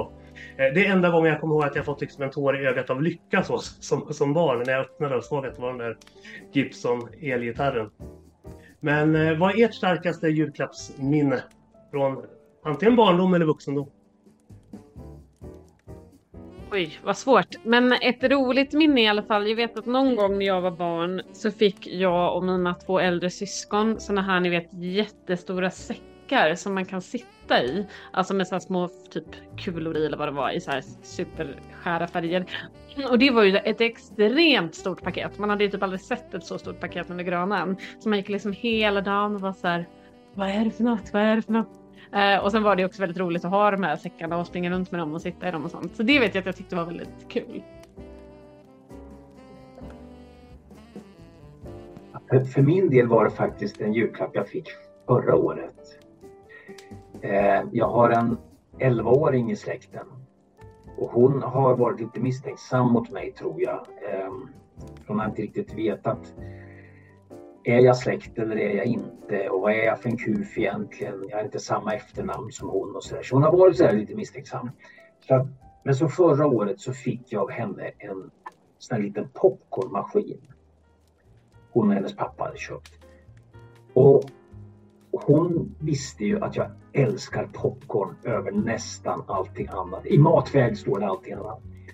Och det där var ju en kärleksförklaring som gjorde att, att den där popcornmaskinen är en av de finaste saker jag har. Ehm, Och det berodde just på, och det är ofta så, det är inte det man får utan det är tanken bakom som är det viktigaste. Och eh, den där tanken den eh, slog alla andra som har slagit den på julafton. Jag får passa på att tipsa dig Lars om att det finns eh, Cola-popcorn i affären nu som är jättegoda. De är så här karamelliserande och så är det lite pretzel på. De är helt fantastiska. Ja, jag vet, jag vet. Jag har P.O. älskar också popcorn så ni kan umgås någon gång över popcorn tänker jag. Jag fick en popcornkalender av Kristin. Den var fantastisk. Ja, mycket fint. Eh, jag satt här och tänkte medan ni pratade och egentligen så man kommer ihåg vissa julklappar men egentligen kommer man mest ihåg känslan. Den här förväntningen som man bygger upp och vi hade ju vissa rutiner om att vi skulle träffa släkten på pappas sida först på morgonen och hur man längtade dit till alla kusiner och julgröten och hur man sen liksom bara väntade på tomten och öppnade de där julklapparna. Så egentligen den största gåvan jag har fått är väl den här känslan, den här varma känslan av jul och förväntningarna. Eh, om man ska vara lite så här diplomatiskt. Men eh, nej, jag kan säga så här att jag har fått eh, eh, att jag har mycket att vara tacksam över. Jag har fått många fina julklappar genom åren. Eh, just nu har jag svårt att peka ut just en av dem. Men troligtvis var det väl mest när jag var barn och fick öppna de här Barbisarna och leksakerna antar jag. Mm. Sen har en till sån här fråga till er alla tre. Och det är vilket tv-program som är ert, här, som ni liksom går omkring och tänker att men det här ska bli mysigt att se nu i jul och adventstider. De som har följt den här podden vet ju att eh, i mitt fall så är det Love actually som är liksom den stora julfilmen som återkommer varje, varje år. och Så. Men om vi börjar med dig då Lars. Vad är det Eh, Karl-Bertil Jonsson eller är jag för, fördomsfull? Nej, alltså, nej, alltså du är inte fördomsfull. Det märks att du lärde känna mig under kyrkomötet.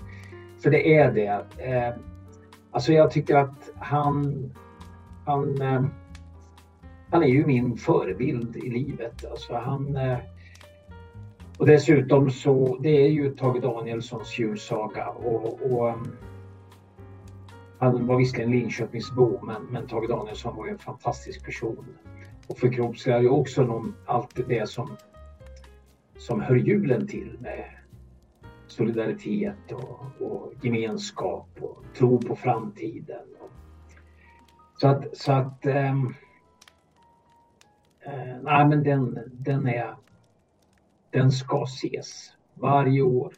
Och så sitter man och säger replikerna i sitt eget huvud innan de sägs på tv. Och då känns det så tryggt och, och bra allting. Jag kan verkligen rekommendera spelfilmen. Jag och Kristin var såg den på bio. Den har verkligen fångat liksom, känslan i originalet men sen expanderat berättelsen på ett jättefint sätt. Så om du inte har sett den så kolla in den på någon streamingtjänst. Jag måste nog göra det. det. Jag hört också att den ska vara jättebra. Therese då, vad blir det för dig? Och du behöver inte anpassa svaret efter att dina döttrar ska kunna titta på det samtidigt. För då blir det kallt. Jag ser nu börjar de hoppa runt där i soffan på Ja, precis. Nej, men eh, jag brukar faktiskt gilla Sunes jul och Svensson Svensson. mm. Och jag tror faktiskt att jag kommer kunna introducera barnen till det i år också. Eh, jag tycker att de har en charm. Alltså det, jag gillar sånt där. Det är liksom uppväxten för mig. Det är en annan slags humor än vad som finns idag. Eh, man kunde, nu kommer jag låta gammal, men man kunde skoja på ett annat sätt. Då. Ja, Eh. laxen. Den är dyrast. Jag menar godast. Precis, det är lite sådär. Eh, men jag tycker att den är rolig och familjär och, och mysig. Så att man måste få skratta lite. Ja, det är ju svårt att komma in sist här. Jag älskar också Karl-Bertil Jonssons jul och Sunes jul och eh, Svensson Svensson. Det är väldigt starka program allihopa. Men jag tänker att jag ska säga att jag ändå delvis sörjer att man för några år sedan, jag kommer inte ihåg hur länge sedan det är nu, slutade visa Sound of Music på julafton. För det tyckte jag var fantastiskt. Det gick ju så ganska sent på julafton. När hela så här jul, julen var slut så, så här, sjönk man ner i soffan och så tittade man på Sound of Music. Det tyckte jag var fantastiskt. Så det saknar jag lite. Nu streamar man ju allt, men det var liksom det fasades ur den här klassiska tv-tablån för julafton. Eh, när man, ja. Jag, jag kan säga det, det är mitt minne av det. Att det var fint.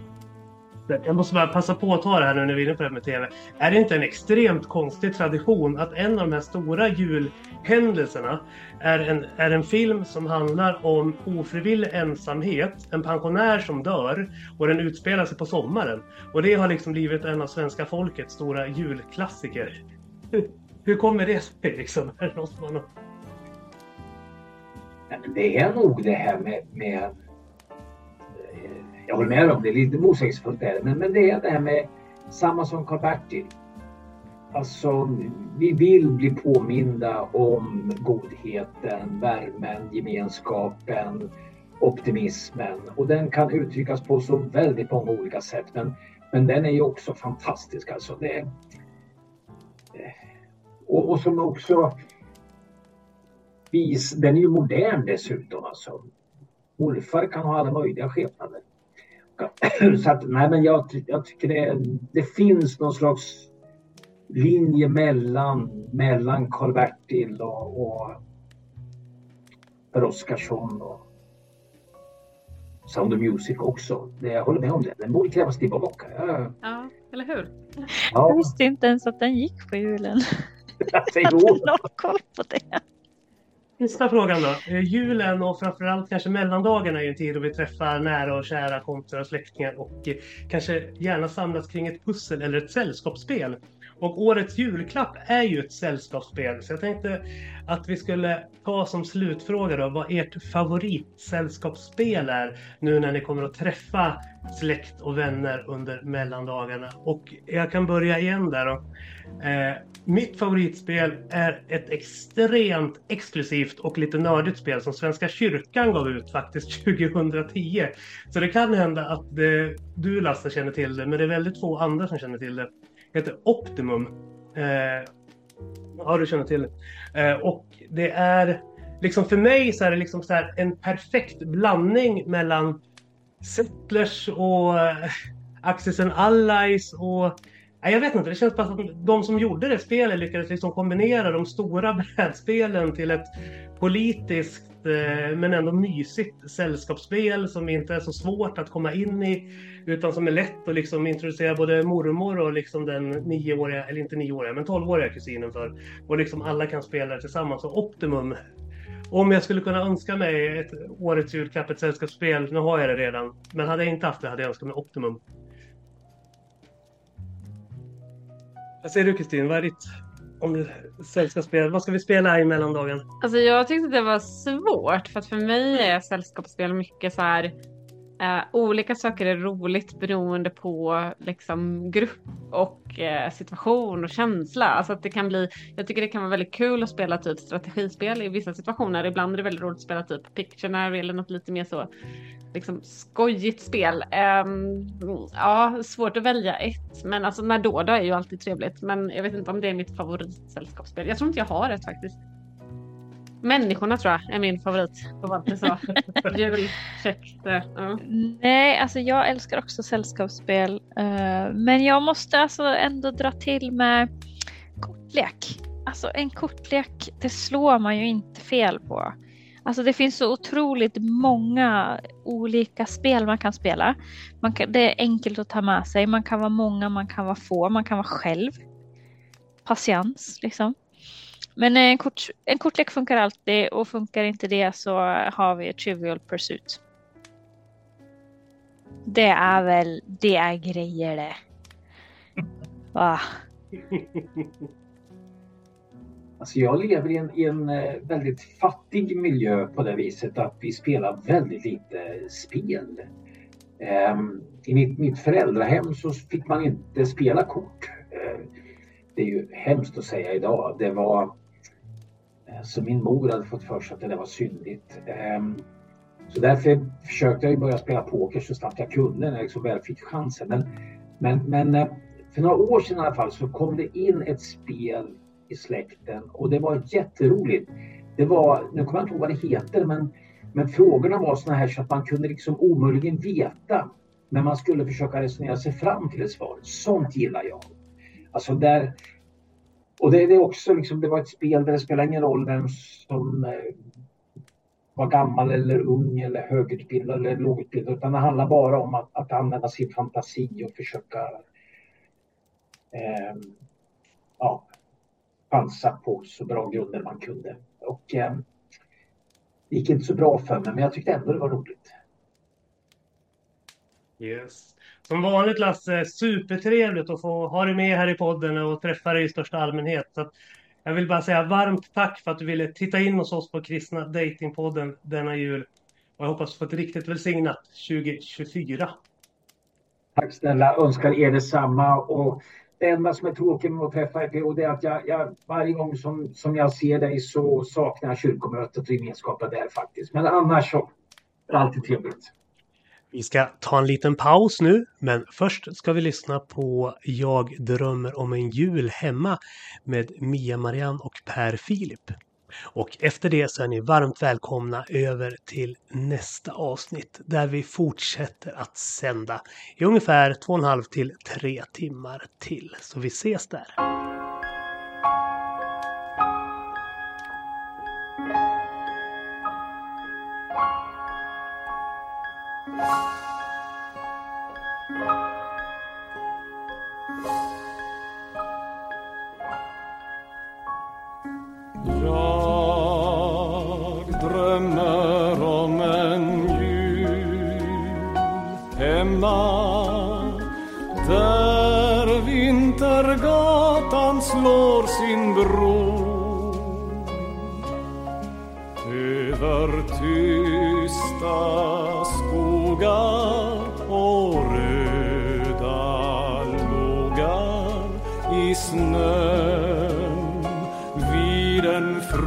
Frusen må.